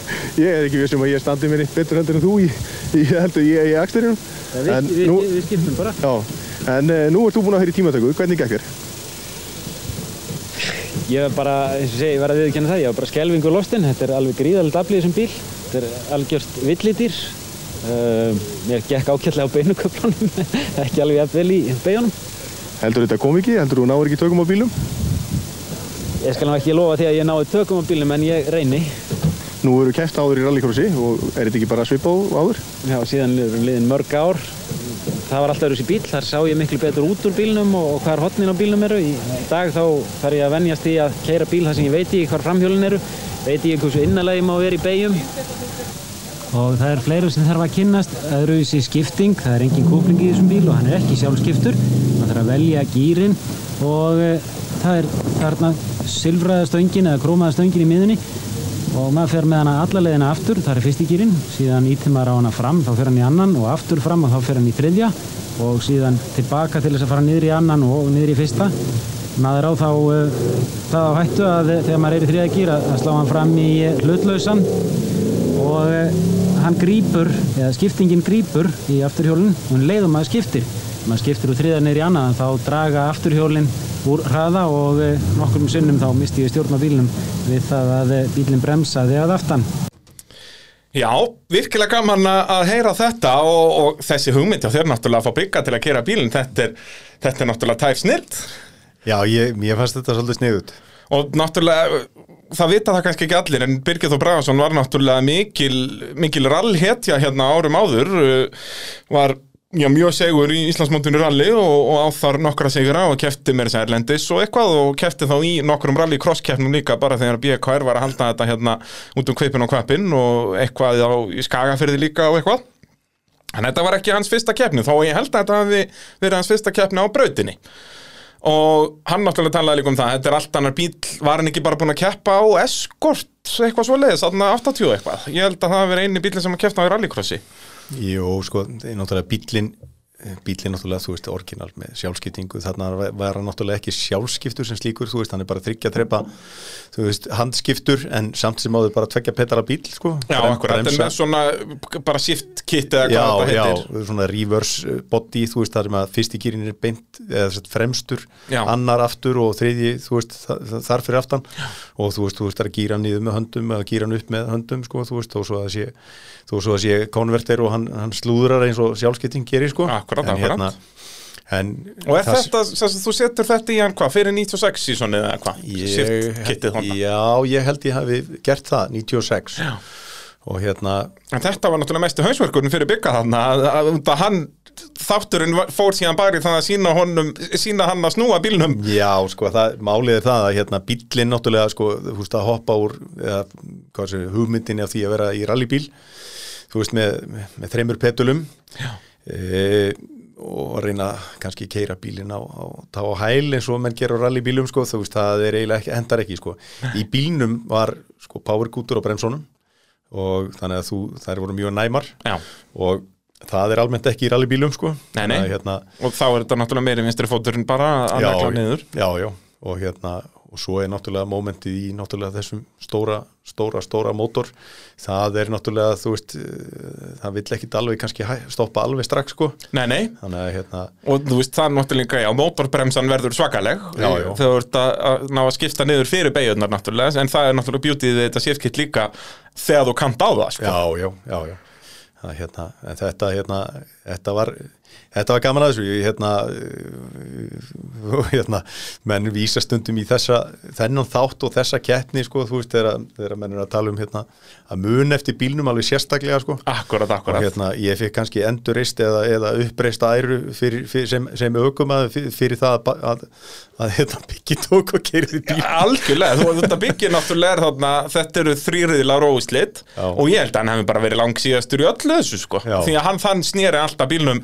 Var náttúrulega alltaf fyrstur í startinu. Já, og svo bara löt, lötur hægt í gegnum beginnar, stundum voru þeir meira að taka fram úr honum að utanverðu sko, sem við sáum nánast aldrei á þessari nei.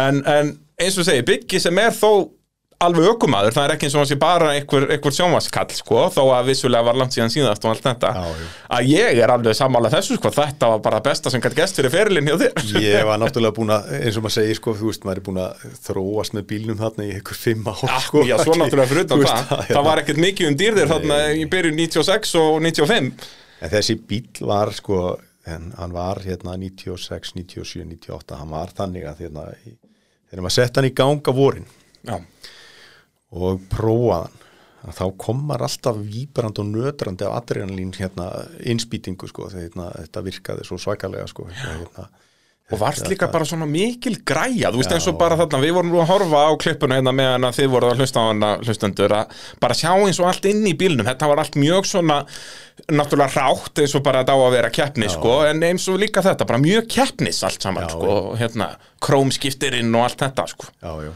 Þannig að þetta var heilmikil græja, sko, ég man alveg pappi ef við samt sögur að þessu, bara hann hefur aldrei verið að peppa ára æfinni þegar hann keipti hennum bíla á þér, sko. Það er nú svolítið, svolítið gaman að segja frá því sko, pappiðin kaupi bílinn að mér, ég, við skiptum eiginlega bara, þú veist, við minnir að við bara verið nánast slétt skipti, tók, ég tók hérna súkuna, rallysúkuna sem var náttúrulega þekkt stærð og þú veist, ég eitthvað prófaði hann og var hugsanlega að spá í hvort ég ætti að gera eitthvað með henni. -hmm.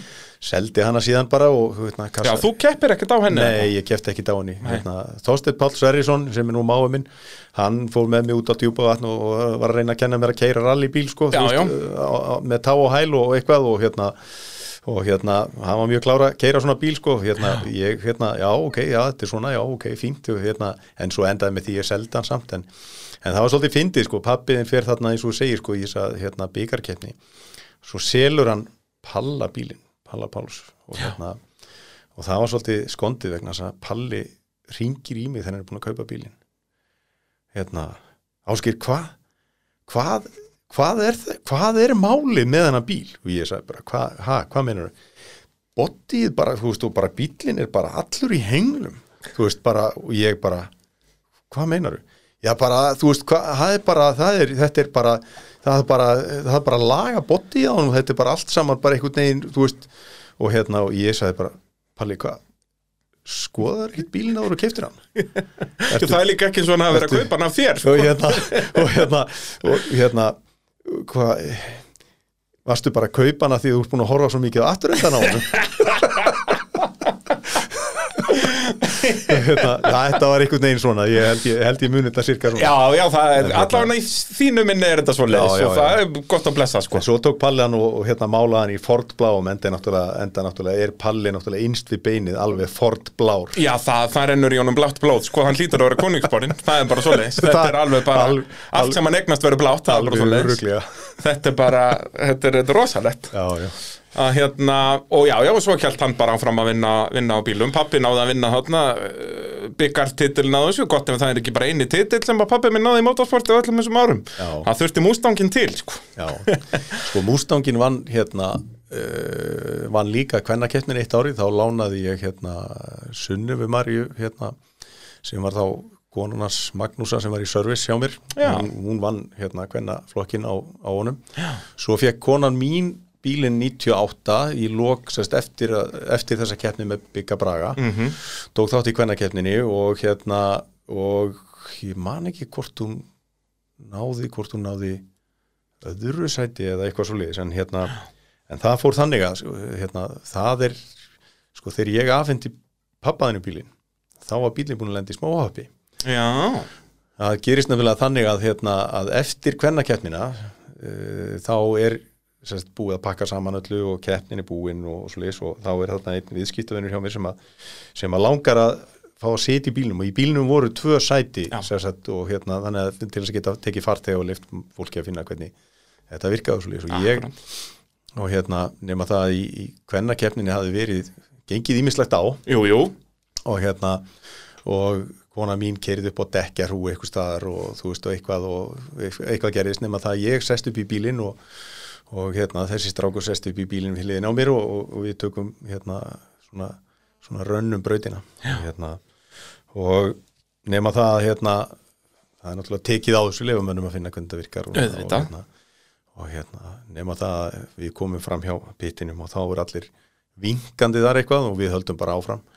Nema það að ég vissi ekki takk hver allir voru að vinka svona mikið fyrir en að ég finn brunalikt Jáhá, nema það að, hérna að sko bíllinn hann skýðlogaði aftan úr aftan úr honum og hérna það sem aðeins gerst var það að hérna að í hérna þessu einhverju, bilduðan í kvennakeppninni að þá var sko rafgeimurinn hann var í skottinu og bensíntankurinn var líka í skottinu og festingin fyrir rafgeiminn hafði sagt hérna losnað og rafgeiminn hafði dottið á hliðina og bensíntankurinn var úr járni og plúsin laðist utan í bensíntankin og, og hérna og, og hérna. Og neistæði þar. Og neistaði og, og brendi gata á bensíntankinu Frábært. Og hérna Og þá ertu með neista og elsneiti og allan pakkan og það bara kviknaði í bensinu og svo bara sullaðist úr tanknum reglulega þannig að það logaði. Það hefur ekki fyrir en að það kom reykur inn í bílinn til okkar sem að gerist nú ekki alveg strax sko. Já, þau eru búin að fara Sem nokkur sinnum framhjá þarna með allt í ljósum lofum fyrir aftan. og hérna höfum ekki hugmynd um það.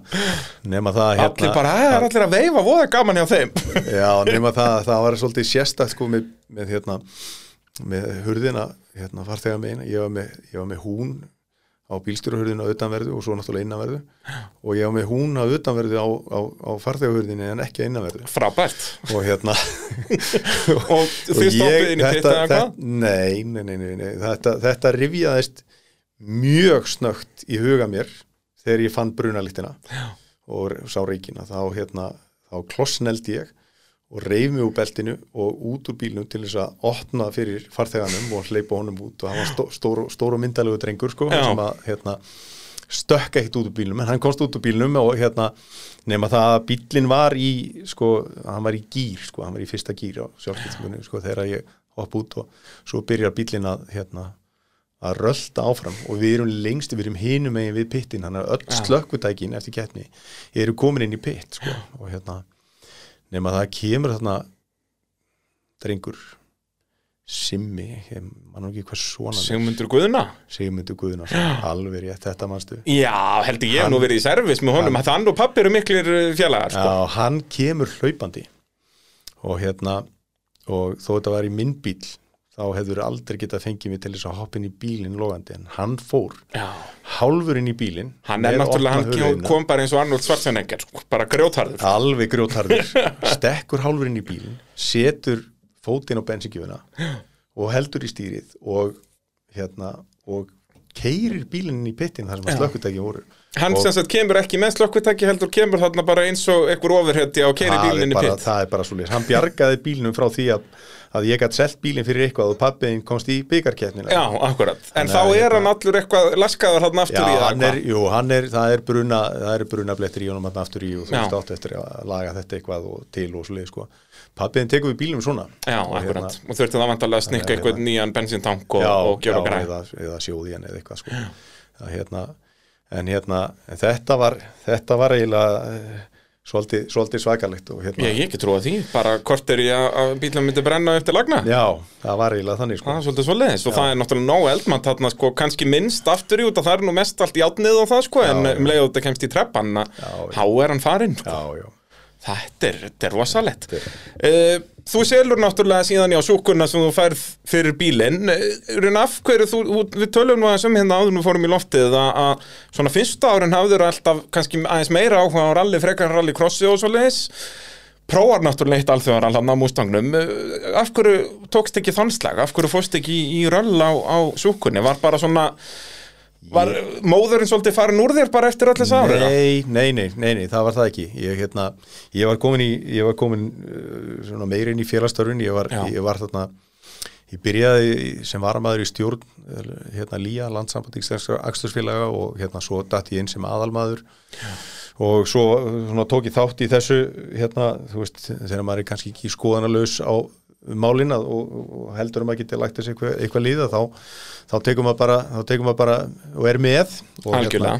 Þannig að þú varst komin meira í svona þá deildina. Já, og hérna og svo er náttúrulega svo sem hérna það, hérna 99 þá tek ég þátt í því að, að, að hérna, vera sérst, framkvæmdistjóri keppnisaldra á samt Svani Sævari Lárusinni Já, hérna, hann er hellumanni. Já, við vorum tveir þarna, hann var þarna hann var í, í hérna, lía fyrir hönd hérna, flugburgnarsveitanar hellu Mhm. sem var helt náttúrulega torfæri keppni með miklu myndarskap heldur betur og gerir hann þannig þetta Já, og við tókum hérna svona umsýsluna í kringum keppnisaldi þegar að keppnisaldarafélagi verður til af, af svona verulegu myndarskap. Já, algjörlega, og þarna náttúrulega er þetta að verða bara eins flott og þetta verður. Þannig eru komni sponsorar á allar greinar. Já. þetta var, þú veist, ég var torfaran Coca-Cola rallycross eða hvað þetta hétt allt saman sko. Allt, allt keppnisaldi var með sama útliti, e, sjónvörpun frá öllum íþrótta, eða motorsport íþróttagreinum var tryggð og hérna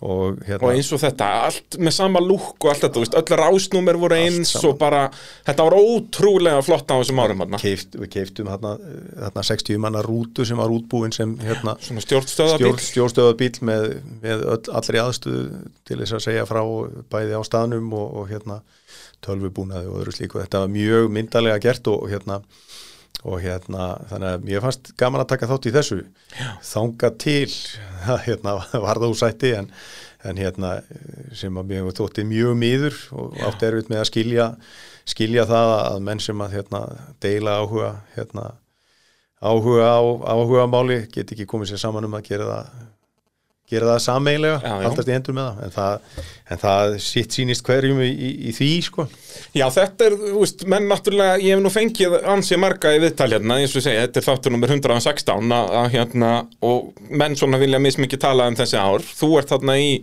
innsta ring, í, í, þegar þessi klopningur verður þarna, 2000-2001. Já, Uh, þú veist, viltu eitthvað ræða þetta nánar? Þú veist, hvað er það raunverulega sem gerist þarna? Þú veist, þarna er náttúrulega komið peningar í þetta, það vissu það allir, en var það ekki, þú veist, eins og ég túlkaði þetta, ég var náttúrulega þarna átt ára í þetta sanda á þessum tíma, sko, að hérna, að, veist, var, heldu þeir Ég sem að fóru úr þessu að, að lýja væri að græða meirið en voru að gera, þú veist, hvernig æxlaðist þetta? ég held að ég held að hérna ég held að eh, það, það hefði kannski þurft að þetta hefði þurft að kannski vinnast hægar Eh, ég klára því að þeir sem að voru að vinna þessum málum voru að gera það af 100% heilindum Mhm. og hérna og ég sá allavega ekkert annað sko innanfrá það sem ég var og hérna og gerir þetta eins vel og hægt var og hérna og hérna eh, en sko þegar að menn hafa skoðanir og tala um það er keppnisald og menn, veist, menn, menn eru ekki menn eru kongar í sínum heimi Já, já, alltaf með þess að taksmunni sína. Já, fyrst, fyrst, fyrst kannski inn í sínum sínu ökutæki eða á sínu ökutæki svo hins vegar í sínum klúb og annað slíkt og þá er þetta bara, getur þetta verið svolítið viðkvæmt og hérna, og þetta, þetta eru félagstörf og, og lang flest af þessu kyrt á, á, á sjálfbóðastarfi og þá er þetta bara mjög sensitíft hvernig, hvernig staðið er að svona málum vegna þess að menn eru að gefa vinnuna sína fyrir, fyrir eitthvað. Og ef menn halda að það sé ekki verið að gera hlutina á heilindum þó svo, svo sé að þá er erfitt að þú byggir ekkit svona lagað upp á, á Íslandi í svona menn leggja eitthvað fram fyrir já, ekkert nema bara ánæguna og, Já, og, já, hérna, akkurat. og hérna þannig að ég held þetta hafi kannski verið svolítið, svolítið þau veit er hægt að horfa á þetta núna sko, 20 ára setna tilbaka og þú veist og, og hérna og vera svolítið yfirvegar yfir þessu, ég var hundsvektur yfir því hvernig fór sko. Já, já, reyndi, þú er náttúrulega búin að leggja fullt af vinnu í þetta og svo framvegis. Og þetta Já. náttúrulega bara motorsportið Já, já. hrundi náttúrulega á næstu árum eftir. Þetta bara alveg fór fjandans til því miður sko, og tók mörg ára þetta upp aftur. Það var reyndar ekkert nýtt sko, þú veist að, að, að menn væri ekki alveg sammála öllu, en það var alltaf þannig að þetta framan af að lýja var það sem réði og, og tók ákvarðanir og menn urðu að haga sér þú veist, það var, það var ákveðið síðferðið sem menn þurft að fara eftir annars fenguður bara ákvúru fyrir. Já. en það sem breytist er náttúrulega laga umhverfið þetta, var þannig að, að þetta var verndað með, með lögum um það að, að lýja var eina sambandi sem átti að halda axturskeppnir og menn urðu náttúrulega bara að bukka sig og beigja undir það þannig að, þannig að þú veist, jafnvel þó að veri eitthvað skonar menn óanæði með eitthvað eitthvað sluðis þá urðu þeir að fara þá allavega þú líðræðislegur leiðina Já, já, að láta kjósa sín í stjórn og taka má- málin þar eins og, ég gerði svo sum þú veist að, að taka þátt og virkan þátt í því. Og hérna en þetta er bara, þetta er bara já já, ég reyndi ég, ég fór á milli nokkura félaga sem að fó- fóru út úr lýja á þessum tíma og hérna fundaði með mönnum og, og allavega þú veist og reyndi að svona þú veist bera, gera mitt til að bera klæða á vopninu og svo sá ég það, það, það var ekkit að fara að breytast sko, þannig að ég, ég hérna þannig ég dró mig út úr þessu sko, þú veist, og var ekki tilbúin til þess að, að hérna, að hérna setja meiri, meiri kraft í þetta sko. Já. ég átti yngra persónulegra hagsmun að geta þarna og, og ég held að það voru reyndar einhverjir sem áttu það og hérna sem að hefðu gengist í ábyrðir fyrir já, lýja eða keppnisaldara félagi lýja og það var algjörlega, það var sorglegt að horfa upp á það að þeir þurfti að berjast virkilega fyrir sínu að, að, að reynsa nöfn sín. Hjalti Hafsteinsson var einn af þeim hérna, sem var mjög virkur og var svona hérna, reglu sérfræðingur Akkúrat. lýja var að kunni regluhjalti eða hvað var kallaður, já, sko. já, kunni handbókin alveg út í gegn. Svanur Lárusson var einn af þeim sko. Já, já, og hérna og, og, og svo voru þarna þú veist fleiri sem að náttúrulega það voru ákveðin störf í gangi. Ég fikk greitt starf, ég var í hálfu starfi hann var í fullu starfi Akkúrat. þetta sumar ég reynda vann fullt starf, ég tók mig bara frí frá mínu eigin fyrirtæki. Launalust frí, Já. en það breyti breyti því ekki bara vegna þess að ég hafði gaman að þessu alltaf bara, þú veist að, gera þetta eins vel og ég gat. Ég segi það, svona þegar þetta var að byrja. Já, já, en hérna og það voru störf þarna en, en hérna, það voru ekkit það hefðu kannski geta orðið einhverju peningar sem hefðu geta verið til skiptana þeir voru ekkit, þeir voru ekki þarna. En, en það voru einhverju já, í störfum þarna. Já. menn mér skildu það svolítið sko, þú veist, þegar við hérna, Er að það nefnilega ekki svona grunnurinn aðeins að, að ég- fólk heldu að það væru meiri peningar þarna en voru í raun og veru? Ég, ég held það, ég held það, það hérna, En þú veist eins og bara hvaða leksíum að draga af þessu bara núna eins og núna er motorsport á Íslandi bara í bullandi uppsveiflu bara rallycross og torfaran og allt þetta bara í bullandi blóma þú veist hvað, hvað, hvaða leksíu eigum að draga þessu svo að þetta gerist ekki aftur? Það gerist ekkert að þessu að sjálfu sér sko, nú, nú er ég búin að vera síðan 2005 að þá, þá er ég búin að vera á tveimur hjólum móturhjóli, endurhjóli og hérna og er það ennþá og, hérna, Já, já. og búin að taka þátt í því að, stopna félag og búin að prófa að vera í stjórn og búin að prófa að vera formaður þó ég sé ekki stjórn og ekki formaður í dag. Akkurat. Og hérna og menn verða að muna það að hérna við erum miklu gladari saman í samögulega áhugamáli og hérna og ræðamálin ekki, ekki hérna og tala saman um hlutina. Það sé mikilvægast sko. Og Og náttúrulega sérstaklega þegar það eru konu peningar í þetta þegar einhver er, er að vinna við það sem aðrir eru ekki já. að vinna við sko. Já, já, þú veist, hérna þetta verður aldrei, þetta verður aldrei atvinnusport korki fyrir keppendur nýja þá sem að koma að því nema þá kannski fáa uh, og, og þá ber að virða það hérna, fjöl, fjölmiðlun gerði ég mér grein fyrir að skipti mig sem keppanda gríðarlega miklu máli Já. til þess að sækja eitthvað styrk sko. og ég hérna ég allavega til sjálfur mér í trúum það að, að þessi rallycross ferill minn sem spannaði fimm ár hafi komið út á null í krónum og örum sko, þó svo tími náttúrulega hafi verið alveg gríðarlega Já, sem fór í þetta akkurat en, en, það en, hefði ekki komið til nema fyrir fjölmiðlun sko, veist að hérna, geta afhens styrtaræðlum eitthvað sko. Nákvæmlega, nákvæmlega, geta skilað tilbaka Já. ekki bara segjast, jú, ég var að keppa átna sko. Já, En hvað, já, það var ekkert skrifað um þetta eða neitt. Nei, nei, nei, það er enginn í því, sko. Nei. Það er ansið dabburt, sko. En hérna ég held að það sé mikilvægt menn hérna, hlusti meir en tali og, og hérna og hérna byrja viringu fyrir hvora öðrum og, og, og hérna og, og hugsa um hvað er hvað er sportinu fyrir bestu. Nákvæmlega, nákvæmlega. Að hérna, Hérna að, lokum þá náttúrulega verðum aðeins að tala um uh, Já, þannig fyrir á, á tveimur hjólum uh, og uh, já, áðurinn fyrir mig það verð ég náttúrulega að minna á að motorvarpið er í bóði AB varahluta.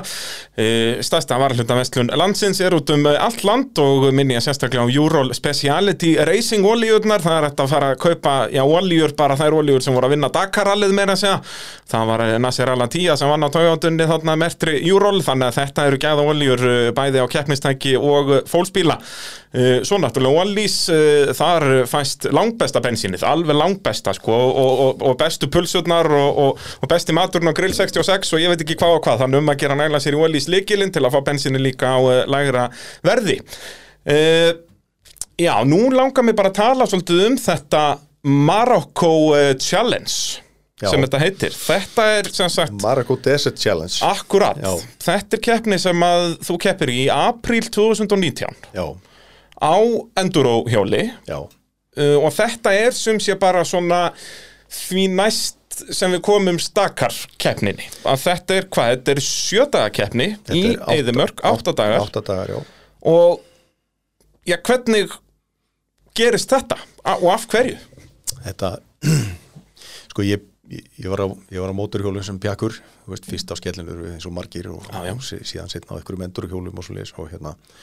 Og svo fer ég í bílasporti þegar ég fer í motorsport eftir ég fekk bílpró og hérna, en 2005 þá eru komin þá eru komin hvað, fimm ár síðan að ég eh, svona Hættir endanlega? ég, ég hætti endanlega og í bílasportinu um að fæ mér endurhjól og hérna og, og komst að því að ég kunni ekki neitt, ég var búin að tapa öllu niður í, eða í kunnáttu sem ég, sem ég hafði þó eitthvað þegar ég var yngri, Já. átján ára hlje þú veist, á, þar á móturhjóli og hérna mætti, við skráðum í eiginlega 2005 í allar endurkeppnir. Já, svo leis, fórst bara ólinn að keppa. Já, þetta var nema- ekkert nema eitthvað svona og það sem ég fannst eiginlega beauty við, við þetta var það hérna, að, að, að hérna, það voru allir tilbúinu til þess að hjálpa mér leiðbina mér, segja mér til hvort sem voru starfsmenn keppninir ke- fólk út í braut, hérna, áhorfundur eh, aðri keppendur og þú veist, manni var tekið rosalega vel og hérna, nema það hérna, út frá þessu það náttúrulega eins og, eins og gengur þegar ég fæ áhuga fyrir ykkur þá sekki mér hún í þetta og fer að horfa á hérna, keppnir, þú veist, motocross keppnir ég fer að horfa á endur keppnir og svo náttúrulega Dakarallit já, horfi á hérna einhverja þætti sem að hérna sem að ég er fljótlega eftir þetta hérna, Charlie Boorman hérna, tók þátt í Dakar rallinu og ég hugsaði bara þetta er algjör klikkun. Þetta kem ég aldrei til með að gera. Þarna náttúrulega eru sko hérna, rallybílar og móturhjól og, og trukkar að keira allt á sömu leiðunum og svo líð sem ég veist alveg skelvilegt nema það að hlutinni þróast og við tökum þátt í, þátt í því að stopna félag, hérna ferða út í slóðavinnir og förum að fara í ferðir og förum að fara í krefjandi ferðir, langar ferðir erfiðar ferðir, vetrarferðir og ímislegt og hérna og maður er komin á þann stað á endanum að, að hérna þetta sem að maður held að maður myndi aldrei alltaf gera, það væri nú kannski bara svolítið gaman að takast á við svoleiðislagað og hérna svona rall nema það að það er ykkur íslendingar sem hafa te tekið þátt í svona, svona rallykefni en það er, það er hérna á móturhjúli en, en hérna það býr ekki mikil þekking á Íslandi við því hvernig þetta er gert. Nei, nei. og hérna sem er náttúrulega stór magnað að, jepparöll og, og, og svona enduroröll eða þessi löngu röll það er náttúrulega bara ótrúlegt að þetta skuli ekki vera vinsætla á Íslandi Já. að vera út að við erum bæði með sterka mótorhjólamenningu það er alveg dass til á svona böggjum og fjórhjólum og svo náttúrulega jeppamenning á Íslandi er per höfðatölu bara allt, allt önnur og miklu meiri heldur en alltaf annar staðar í heiminum. Við gerum ekkert annað en að fara í, í jeppaferður á veturnar og svona, þú veist. Já. og síðan erum við alltaf að hvert yfir hvað rally veginnir eru slæmir, það er ekki lengur hægt að keppa í rally þetta er alltaf gróft og eitthvað, en það eru endalaust af línuvegum og drastli út um allt hálendi og alla vestfyrði og vestfyrði og ég veit ekki hvað og hvað. Já, og en af hverju er ekki þessu, þetta er vissulega núna er jepparallin aðeins að vera sterkar og sterkari, það er komin dagsending núna í ágúst og jepparall en ég bara átta mikið á þessu af hverju þetta er ekki sterkar og einmitt líka af hverju Akis er ekki að vinna þá með mótorhjólaklubunum líka gera svona Dakar keppni, bara kannski fjögur að fynda keppni bara yfir hálendið sko. ég held að, ég held að sko, málið er það að þeir sem hafa áhuga fyrir því að taka þátt í svona lögðu þeir vilja vera aukumenn eða, Já, já, eða þetta endar hjólarar. alltaf svoleiðis sko. og hérna og og hérna, það eru færri sem hafa áhuga fyrir því að halda svona keppnir heldur en við hafa áhuga fyrir því að taka þátt í þeim. En þetta verður ekki til af engu og ekki að sjálfu sér. Það er, það er svolítið svo leiðis en ég hérna, þetta, þetta var eiginlega svo leiðis sko, ég þurfti að ég þurfti að kynna mér, þetta var tveggjára undibúningur og sex mánuður af verkefnum á hverjum einasta degi og Já, hérna, bara að undirbúið sér fyrir þetta. Já, Þannig að þú tekur ákvörðun hérna hvað, 2017 Já. að sest, þessi keppni Margot ég- Challenge. það kemur, það kemur kunningi til mín í vinnuna og segir mér að þessu rally og hérna og, og hérna ég fer svona eitthvað að skoða þetta og þetta er held ég bara í november hérna 2016 eða eitthvað slúðis og hérna og ég eh, 2016, já er það ekki? Eða 2017 2017 sannlega og hérna og ég fer að þetta er, já, november, desember eitthvað slúðis og ég er öll jólin að horfa á upplýsingar og Já, myndbönd og þú veist hvað menn er að gera og, svona, og ég hugsa bara, já, heyrðu, ég bara þetta er, þetta er máli, nú fer ég að vinna, vinna þessu. Já. og hérna bara fellur alveg fyrir þessu hérna já, og hérna og þetta er þetta er talsvert kostnaðarsamt að fara í svona. Sérstaklega eins og ég ætlaði að gera þetta vegna þess að ég hérna maður er svo hérna mótorkinnhegður að hérna, ég gæti ekki hugsa mér að fara í þetta á einhverju lánsjóli. Það varð að vera hjóli mitt. Já, og hérna og þú getur annarkvort keift tilbúið rallyhjól sem kostar, kostaði þá einhverja 6 miljónir eða 6-7 miljónir þú veist í dag sennilega 8 eða eitthvað. Eða þá tekið endurhjól sem er náttúrulega í grunninn bara rallyhjólum að bara sem er búið að aðlaga þú veist að þessu. Eða sé smíða hvernig hort er á það. Nema það að ég hérna ég átti þá Yamaha hjól sem, sem var þá orðið 10 ára gamalt og Já. hérna ég ætla að endurbyggja það og ég pantaði eitthvað notað rallykitt á það sem hafði verið notað í rallikeppni áður og svo leis og hérna og hérna nema það hérna þannig að undirbúningurinn byrjar þarna og svo leis sko svo, hérna, og þetta er hann að bara snemma 2018 Já. cirka. og hérna og þannig ég byrja svona að hugsa þetta til mín og, og stúdera og þú veist og allt þetta sko, þú veist að hvað ég þarf að gera annars vegar sko. Annars vegar sko hvað þarf ég að gera? E, þetta er, nei þetta er í byrjun 2017, 2016-17 fyrir geðu svo ég leiðir eitt þetta nú aðeins. Já, já, vegna þess að byrjun 2017 eða þessi áramótin 2016-17 þá hérna fer ég og tek þátt í hérna, áramótarhlaupi í erð já, já. að hlaupa þrjá kilometra sem ég gæti ekki. Og þú ætlaði að fara að keppi í 8 dagar ég- eftir tvö ár. ég hérna, konan dró mig eða stakk upp á þessu og ég svona, "Ah", svo sagði, maður á aldrei að segja nei við ykkur svona. Nei, nei, þannig að ég fór í þetta og ég komst að því ég gæti ekki löpið þrjá kilometra og hérna, þannig að ég svona verandi svona mótor kynneður, þá, þá var ég búinn að vera að skoða hvað kostaði að taka þátt í þessu. Þú sett upp í Excel, breyta hjól- búin að setja hann breyta upp hjól ferðalag og já, allt þetta. nema það að hérna, eftir þetta áramótalaupa þá ég bara þetta er ekki rétt í byrjunin það er ekki í Excel-skjali, það er að koma sjálfum sér í stand til þess að gera þetta. Þannig ég fer að vinna í því og hérna og hérna og endur vek það sko, þú sér 2017 ég er komin yfir 50 sko hérna, Það er ekkert hlaupið að því þá að fara að koma sér í form sko. Það er allt Byrja. annað ef þú ert 18 ára sko. ég byrja að hlaupa sérst aftur sem ég hætti eftir bara eitthvað tíma vill 25 og 30 eitthvað svo Akkurat og hérna þannig að hérna og hérna þannig að ég tek þetta mjög alvarlega og ég á árið 2017 þá létti ég mig um 17 kíló Já, og hérna 12 kíló og 12 vikum já, og hérna og það var bara tekið, þú veist, það mataræði og reyfing og allt þetta og hérna að- varst komið bara ólinn í þetta bara, já, bara, og bara veist, íþróttamaður? já, bara, þú veist, Excel-skjalið og undirbúningur á hjólinu og eitthvað svolítið, það var bara lagt til hliðar, þar að segja að fara að græja hjólu og eitthvað já, já, nema það að þetta endar þannig að ég hérna, ég enda á því að semja við hérna, nýtró með nýtt hjól. Á, alveg rétt. Og hérna ég fæ nýja hérna betu 430 ítalst hjól og það var hægt að fá allt á hjólið og hérna rallyturn var hægt að fá hjólið, stóran tank og, og hérna, þú veist, hlýðapönnur og, og, og gjarðir sem voru sterkari og þú veist, og þetta er, þetta er hérna, þetta var eiginlega basically þannig að þú kaupir endurhjól fyrir eitthvað og þú setur jafn mikið í það í breytingu til þess að, til þess að sé undirbúið fyrir rally. Það er að segja rally að þessu að þessu vegna þess að kröfurnar í þessu rally eru nokkurn veginn eins og í, í hérna Dakar. Já, þú þarft að vera með hérna, neyðarbúnað sem notar iridium tungl til samskipta sem að bæði þú getur eh, látið kerfi ringja úr og það er hægt að ringi í þig og það er hægt að fylgjast með þér rauntíma. Og sen, Sentinel búnaður sem að sendir e, viðvörunabóð til þín og við, viðvörunabóð til annar ef þú lendir í því að, að detta eða, eða þarft að ít og taka til þess að láta vitu og sést í, í vandræðum Og er það, þá bæði þess að takki og síðan bara eitthvað svona G-skinjari bara ef það, ef það finnur fyrir Já. höggið þá sendir það Já, skilabúð já, og á móturhjólunum þá er, er sér búnaðar þannig ef að hjóli leggst á hlýðina þá sendir það sjálfkrafa Já, það er, akkurat. Þetta er svona perimeter búnaðar, það er að segja sendir í ákveðin radius í kringum hjólið já. Og þá til þá annara uh, keppenda annara, annara aukutækja sko. og þá náttúrulega ef það kemst í eitthvað keppnistjórn eða eitthvað þá líka en já. og allra mikilvægast er að þessi búað skilir sér í bílana og trukkana. Já, og hérna og þetta er, þetta er Þetta er hérna, að taka þátt í svona löguðu á móturhjóli er hérna verulega krefjandi, þetta er náttúrulega margir dagar, þetta eru langar dagleiðir. Þó svo þetta sé ekki jafn langt og dagar þá eru sérlega svipaða langar já þetta er í rauninni alveg eins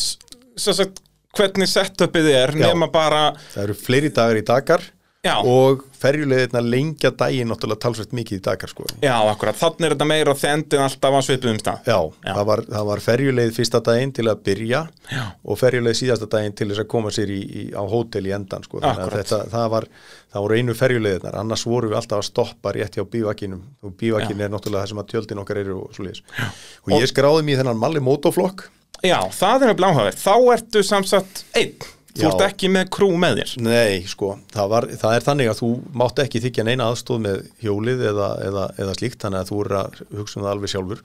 En ert náttúrulega, þú ert með verkfæri í, í hérna, búðunum. Já, en, en þú verður að halda á liklunum sjálfur eða sem sagt, já, hún græðir þetta sjálfur. Samningur við keppnistjórn er þessi Þeir flytja tjaldi mitt og tvo kassa annar kassin er með mínum prívatmunum sko, þú veist, fatnaði og öru slíku hitt eru við varahlutir og tvær, og tvær gerðir sem ímist með eða tvö dekk, hvort, sem er það séu dekka á gjörðunum eða ekki sko. þannig að það er samningurinn sko. þannig að hérna, þetta er svona budget leiðin sko.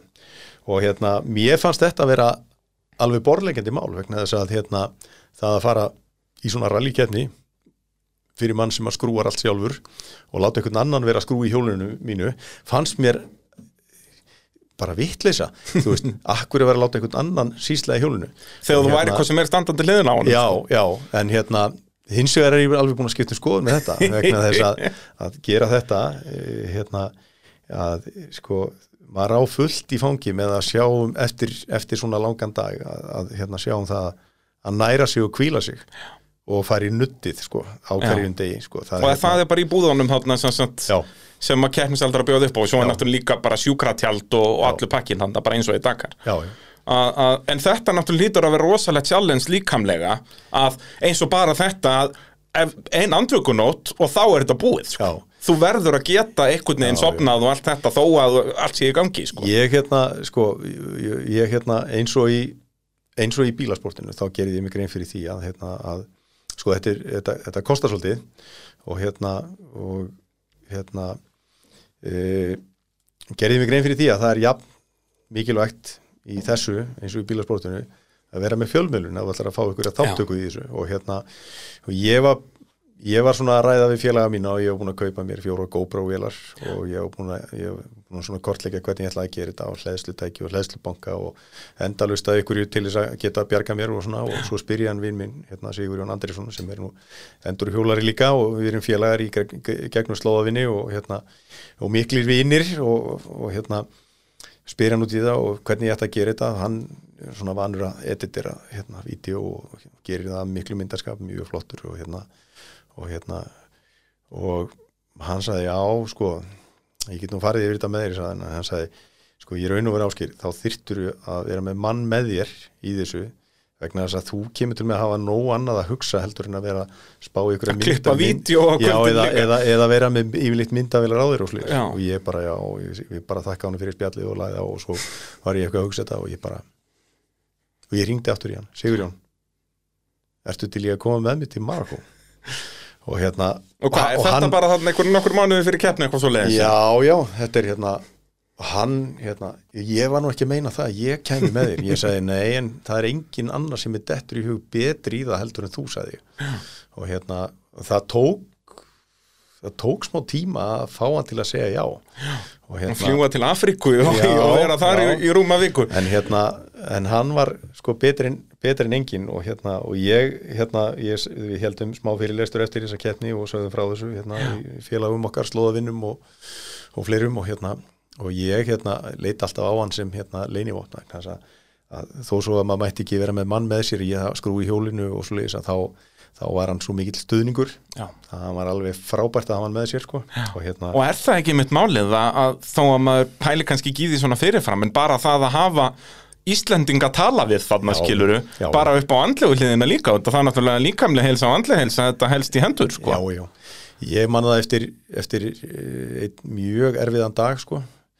Þá hérna, eh, þá hefði ég átt, að- þú veist, ég kom, þú veist, þú var búin að ganga frá hjólinu og gera og ég lendir vandraðum, þú veist, þá voru þarna, og var að kaupa dekja þjónust af köpum sem að voru þarna með aðstöðu, sko, þú veist, og hérna, þeir kunni ekki það með mót, móturjóla dekk og svo sko, hérna, og það tók langan tíma og, og komið fram á eiginlega nótt, sko. Já, já, þú voruð þreyttur og pyrraður og allt dagalegt. og þá datt maður í það sko, þú veist, eins og, eins og, hérna, eins og nýbækaði fóreldra sko, þegar þau eiga val um það að fara að kvíla sig þegar börninu er sopnuð að þá vantar sko, þessa, þetta sósjál hérna, eiga samskipti við eitthvað sko, á eftir sko, Já, já. ég og Sigurjón tókum svona sósjálinn og spjöldluðum aðeins sko, það, að, ég þurfti á því að halda líka sko. Nákvæmlega. En, hérna, en þetta var þetta var erfitt, ég man það að ég, í undirbúningum þá, ringdi ég í hérna, frangvæntastjóra keppninar uh, Gert heitir hann og er hérna hollendingur held ég fær mér rétt og hérna og var að spurja hann út í að því að ég er nú kannski svona dæmigerður Íslendingur að hérna ég er auðmiki í hita sko.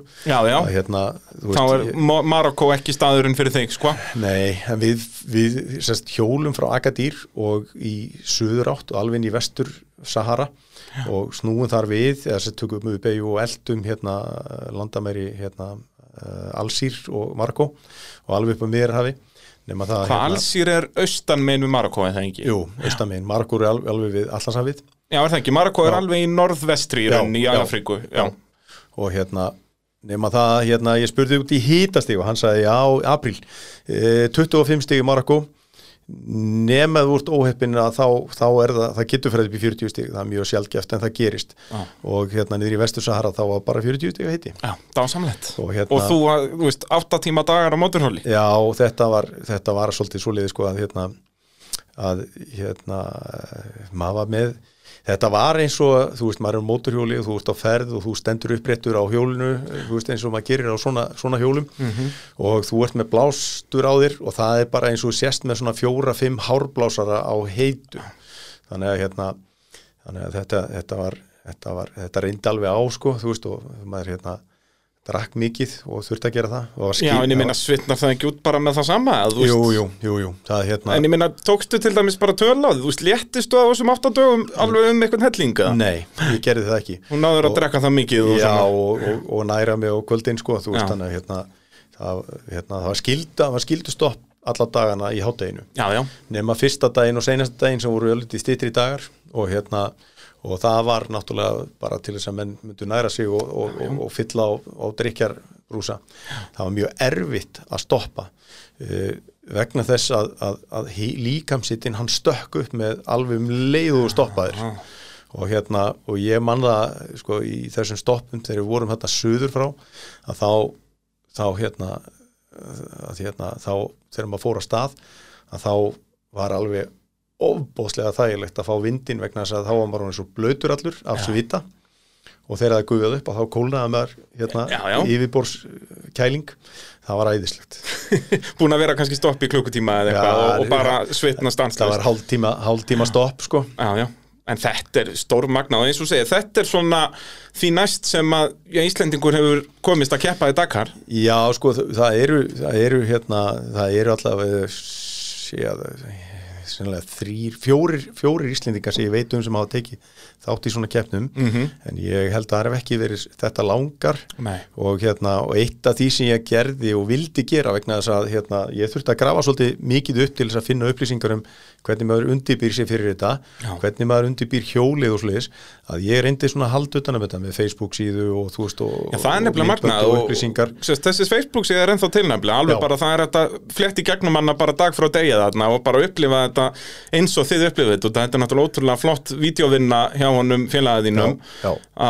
og líka bara eins og undirbúningu og allt þessu, að hvert fólk, hvað heitir hún, bara áskjörur hún heitir Mótorhjóla Rally og svo bara nafni mitt og eftir Akkurat, og hvetjum fólk til að kíkja þetta þó að þetta sé núna orðið þryggjar og gamalt nánast. Já, já. Uh, en það er gaman að rúlla í gegnum þetta. Ég rúllaði mitt núna í gegnum þetta fyrir þáttinn sko, og, og maður alveg kemst inn í þetta aftur sko. Já. út að ég man eftir að hafa fylgst með þessu náttúrulega líka bara þarna 2019 og þetta er náttúrulega þegar Íslendingur er að keppi í ralli í Marokko að þá náttúrulega er ekkert hlaupið að því að fylgjast með því en þetta var eintón snilt að bara hverju kvöldi kom þetta var, þetta, var, þetta var mjög gaman og, og hérna og við rættum það eins hérna ég og Sigur Jón sko þú veist að það var þetta þú veist að, að, að hérna að sína raunulega allt og þarna sé, sést bara þú veist að hérna maður er hérna í góðum gýr svo er maður líka mjög langt niðri sko þú veist þannig að það, það sést alveg það fer ekkit á milli mála þetta er einir á þetta tekur verulega á sko þannig að hérna En núna eins og í Dakarallinu þá semst eins og í bílaflokkunum þá í rauninni þarf ekki þá getur svona hver sem er tekið þátt. En eins og í mótorhjólaflokknum að þá þarftu að vera búin að sína fram á að þú ert búin að klára einhverja keppnir og eitthvað. Er eins og núna gætir þú keppt í Dakar? Það er ekki sjálfgefið Nei vegna þess En að þú verður einmitt að hafa sínt Já. En eins og myndi þetta gilda Getur þú sínt í klára hérna Marokko Desert Challenge? þetta er svolítið, þetta er svolítið þannig að hérna sko, í dagar í dag þá ertu með sko, þú, þú sækir um að fá að taka þátt í dagar og Já, svo er bara já eða nei í rauninni Já, en, en sko þeir eru með forkeppnir og það er til dæmis ein keppni í Marokko, hérna Mersuka hérna, sandöldónum, það sem að er verulega krefjandi að hjóli í sandi. Mhm. og, og hérna þannig að þeir eru með svona keppni sem þeir ætlast til eða reikna með að þú sýnir að þú getur eitthvað. En, en ef þú ætlar að taka þátt í dagar þá þarftu að sækjum og þú sækir um bara svona svipað úr að sækja um vinnu. Þú, Já, þú já. segir hver þú ert hvað þú hefur, bara- hvað þú hefur gert fyrir hvað þú stendur og, og fyrri afreg þín og annað slíkt það segir svolítið. Og svo, hérna, svo er svo magna sem það er að, að hérna, e, e, fjölmiðla tengingar eða samfélagsmiðla tengingar hafa líka áhrif Já. og hérna þannig að þeir gera þessi grein fyrir því að það, fyrir þá sjálfa þá skiptir það máli sko. Algjörlega. Þannig að hérna þannig að maður sér alls konar fólk taka þátt í dagar sem að, sem að klárar og klárar ekki og hérna En þetta er náttúrulega bara, bara þetta að þú þurfir að sína fram á einhvers konar árangur en náttúrulega þetta er bara örgisatriði nummer eitt náttúrulega í Dakar. Að þó að vissulega við sjáum ekki jafn mikið að döðsföllum og alvarlegum slissum eins og þetta var. Náttúrulega hérna í 80s var það bara eðlilegt er því að það fara 100 manns inn í eðumörk og það skila sér 90-80 tilbaka kannski og hinn er bara villast og drepast. Já, já, En núna er þetta, náttúrulega við lendum í því var það ekki fyrra eða hitti fyrra að, að jú, jú. En annars svona nafnast gerist þetta ekki. Og núna náttúrulega komin þessi nýju örgisbúnaður í mótorhjólunum þegar þeir eru búin að klæða sig í loftpúða já, sem er alveg stórmagnað. það, það hjálpa til sko. ég hérna ég fór nú einu sinni ég fór nú einu sinni yfir stýrið á hjólinu sko, þú veist, endað á bakinu fyrir fram á hjóli Já. og hérna og hérna og svo er náttúrulega datmar og það reyndir á svona endur hjólum.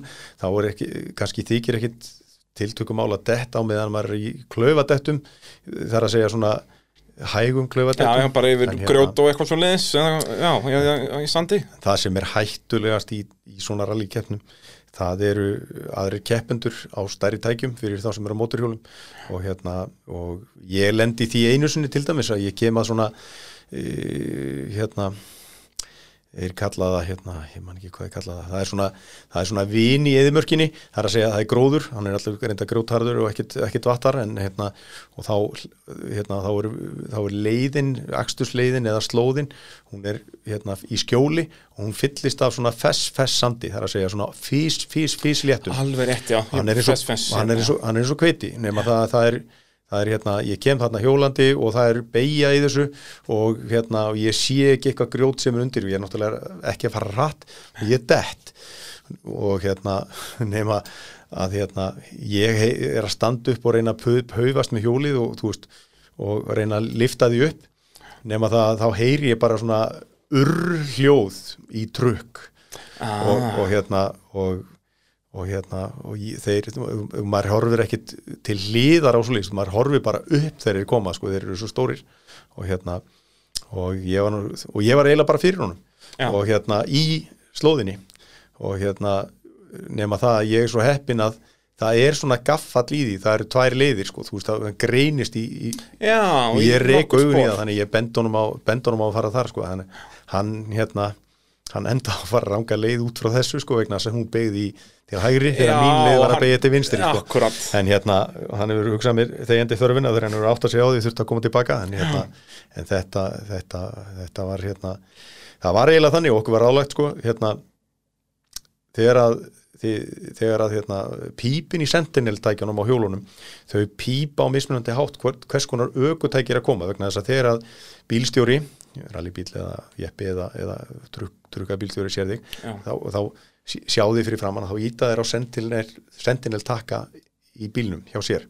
Og þá sendir hann svona skilabóð sem að koma í Sentinel tæki hjá mér á móturhjóli og pípir. Og þau pípa mismunandi og þau pípa algjörlega brjálu þegar það trukkur. Já, og, og það sem að maður gerir og, og, og keppnis, hérna frangatastjóri keppnar sagði, hann sagði þið komið ykkur bara út úr leiðinni strax, ekki býða og þið komið ykkur í burtu helst bara 20-30 metra til hliðar. Vegna þess að, að nullungarnir sem komu undan dekkjanum á þessum bílum eru sko, eins og fót, fótboltar á stærð sko. og hérna ég hérna eiginlega tándu mig það að fara bara veist, strax til hliðar og liðu þetta byrjaði að pípa. Eina sem var sem ég áttaði mér nú ekki alveg strax á var það að þú, maður þarf að vita hvernig vindáttin stendur.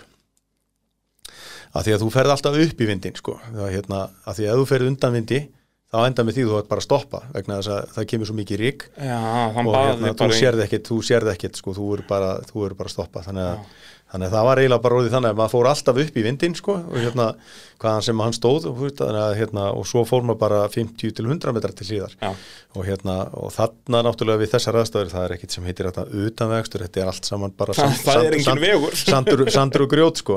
þannig, Það er að, en fyrsti dagurinn var svolítið áhugaverður að hérna, lesa leiðarbók. Já, meðan þú ert að kera Já, meðan þú ert að hjóla Hún, hún mótorhjóli. bara í rauninni ég, fyrir fram að þig ég stýrinni bara með takka. Mhm. með, þú veist það er bara ramasmótor þú veist að hann fyrir upp eða niður sko og, hérna, og það var mjög áhugavert og, og hérna og læra að lesa í þetta og ég er nú vanur að ferðast eftir GPS-tæki þú veist á mótorjólinu og, og svo leiði sko en það gerist þarna eh, setni hluta fyrsta dagsins uh, að ég finn ekki leiðin áfram. Og ég er, er miklu fleiri í því heldur en ég, það voru 20-30 mann sem voru í því. Og hérna bæði á bílum og, og mótorhjólum og hérna ég líður ekki vel með að fara áfram. Ég tapaði örugglega einum og hálfum hátt í tveimur tímum með eitthvað bara í því að reyna að leita. að- í já og fara tilbaka, nú veit ég hver ég er, ég er nú er ég í leðabókinni, nú fer ég að finna þetta aftur. Já. og svo bara týndist ég alltaf. Og þá þá, hérna, þá vantaði sannlega einhverja 300-400 metra inn í leðabókina sko, til þess að hún dytti inn á slóðu sko. Og ég er ekki með reynslu til þess að átta mig á því að hlut, þú þú er ekki alveg 100%. þú heldur, nei, þú heldur bara áfram sko, veist, og svo dettur inn í leðabókina aftur sko. Já, þú svona hafðir ekki trurrinni tröstið í það Nei, Nei. og hérna setna í keppninni þá áttaði mig á því að, að þeir sem eru hraðastir bæðamóturhjólum, bílum og trukkum þeir sjá uh, í leiðabók eins og þessu sem eru með þessum túlipunum og þeir, þeir sjá leiðina Já. þeir, þeir sjá hana, þeir eru, þeir eru ekki bara að sjá til beigju fyrir beigju sko. Þeir átt að segja á bara þeir átt að segja á því og þeir klippa út þeir klippa út hérna út úr sko beigjur og, og kannski tvo kílómetra eða eitthvað vegna þess að þeir sjá þetta heldur áfram og svo detti inn á leiðina hérna lengra. Og þetta er eitthvað sem kemur sennilega bara með reynslunni og Já, hérna, vegna þess að ég prófaði þetta og held ég degi held ég að það hafi verið eitthvað leis þá detti ég inn á, þú veist, þá er ég í leiðabókinni ég veit ég er alveg 100% í leiðabókinni Já, og þú veist, hún fer eitthvað staðar inn til hliðar en megnið að förunum heldur áfram og ég bara þetta er ekki, og ég prófaði þetta þú veist, fjólaði rétta leið. Bara fara blindandi en treyst, treysta Já. því sem þú ert að gera. Nema það að ég nýtti mér þetta síðast daginn það var, það var svalur dagur hann var stuttur og hérna, og hérna móturjólum byrja, opna alltaf Já, já. dag- daginn, daginn Byrja bara og hérna, sex á mótnana eða eitthvað eða hvað það já, og hérna og ég hérna og síðan, sko fyrir okkur sem erum hægari veist, fremstu og öflugustu móturhjólumenni það er en- engin bíl eða engin drukkur sem næri þeim þeir klára bara leiðina fyrstir en ég er nú ekki, ég er nú ekki þar sko, hérna, þannig að þegar bílarnir og drukkarnir fara námanni og fara að taka fram að þá getur maður farið að lesa línur Já. og eina sem maður þarf að passa að vera það er að vera inn í leiðabókinu og átta sig á því að maður sé ekki að missa af tjekkpunkti Já, já, þessi waypoint, sem, sem, að, sem þú þarft að detta inn í sko. Og það er eina leiðin sem, þannig að fólk að segja þessu út að það er engir, nánast engir vegir, stundum dettiðin að slóða en leiðin er bara sett upp, það veit engin nákvæmlega hvernig leiðin er nema náttúrulega sér einslu meiri sem geta sett þetta upp í haus, hausnum á sér. Já, já. en annars eru þau bara leggjað á stað og eru bara með áttavita og síðan kemur píp og þá ertu búin á waypoint og svo fer eitthvað annað og það er annað waypoint og stundum er þetta í U og stundum er þetta beint áfram og alls konar leiðir skilur já, já, en þá kannstu farið að elda aðra bíla og, og þá svona fórst áttaðin betur að þessu eða hvað? Þetta var eiginlega þannig sko að hérna síðast í dagur, sko, ég,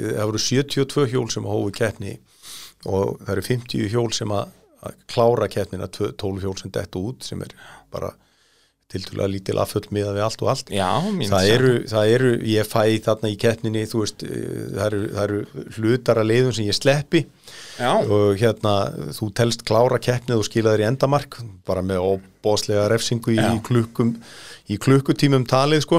Og hérna, fyrir þá að missa af svona waypoints. Já, missa af waypoints og, og, og missa af, veitna, þannig að þú veist en sko, þú veist, þetta er svona þetta er ekki alveg abstrakt og, og dagar þú, þú veist, þú, ef þú sk- hefur, keppni og þú klára keppni þá færðu einhverja, einhverja stöðu. Já, og hérna nema það að ég var í 40 og ég man ekki hvort ég var í 47 eða 49. sæti fyrir síðasta daginn eða eitthvað ég man ekki eða hvort ég var í 50. sæti eða eitthvað þú veist ég var búin að tapa svo miklu á, já, já, á tíma nema það hérna að, að hérna, já og sleppa hlutuleiðum og svo leið já. sko. Það er náttúrulega aðalega það þá ertu ekki að fá sko mínútur resingu heldur Já, það er klukkutíma bara klukkutímar og hérna, nema það að hérna, síðasta daginn þá segir Sigurjón við mig hérna, Áskýr, hérna með hérna, að stað hérna, ertu svolítið ákveðin eins og þetta, eins og og tekið að stað svona alla dag, alveg bara ákveðið bara.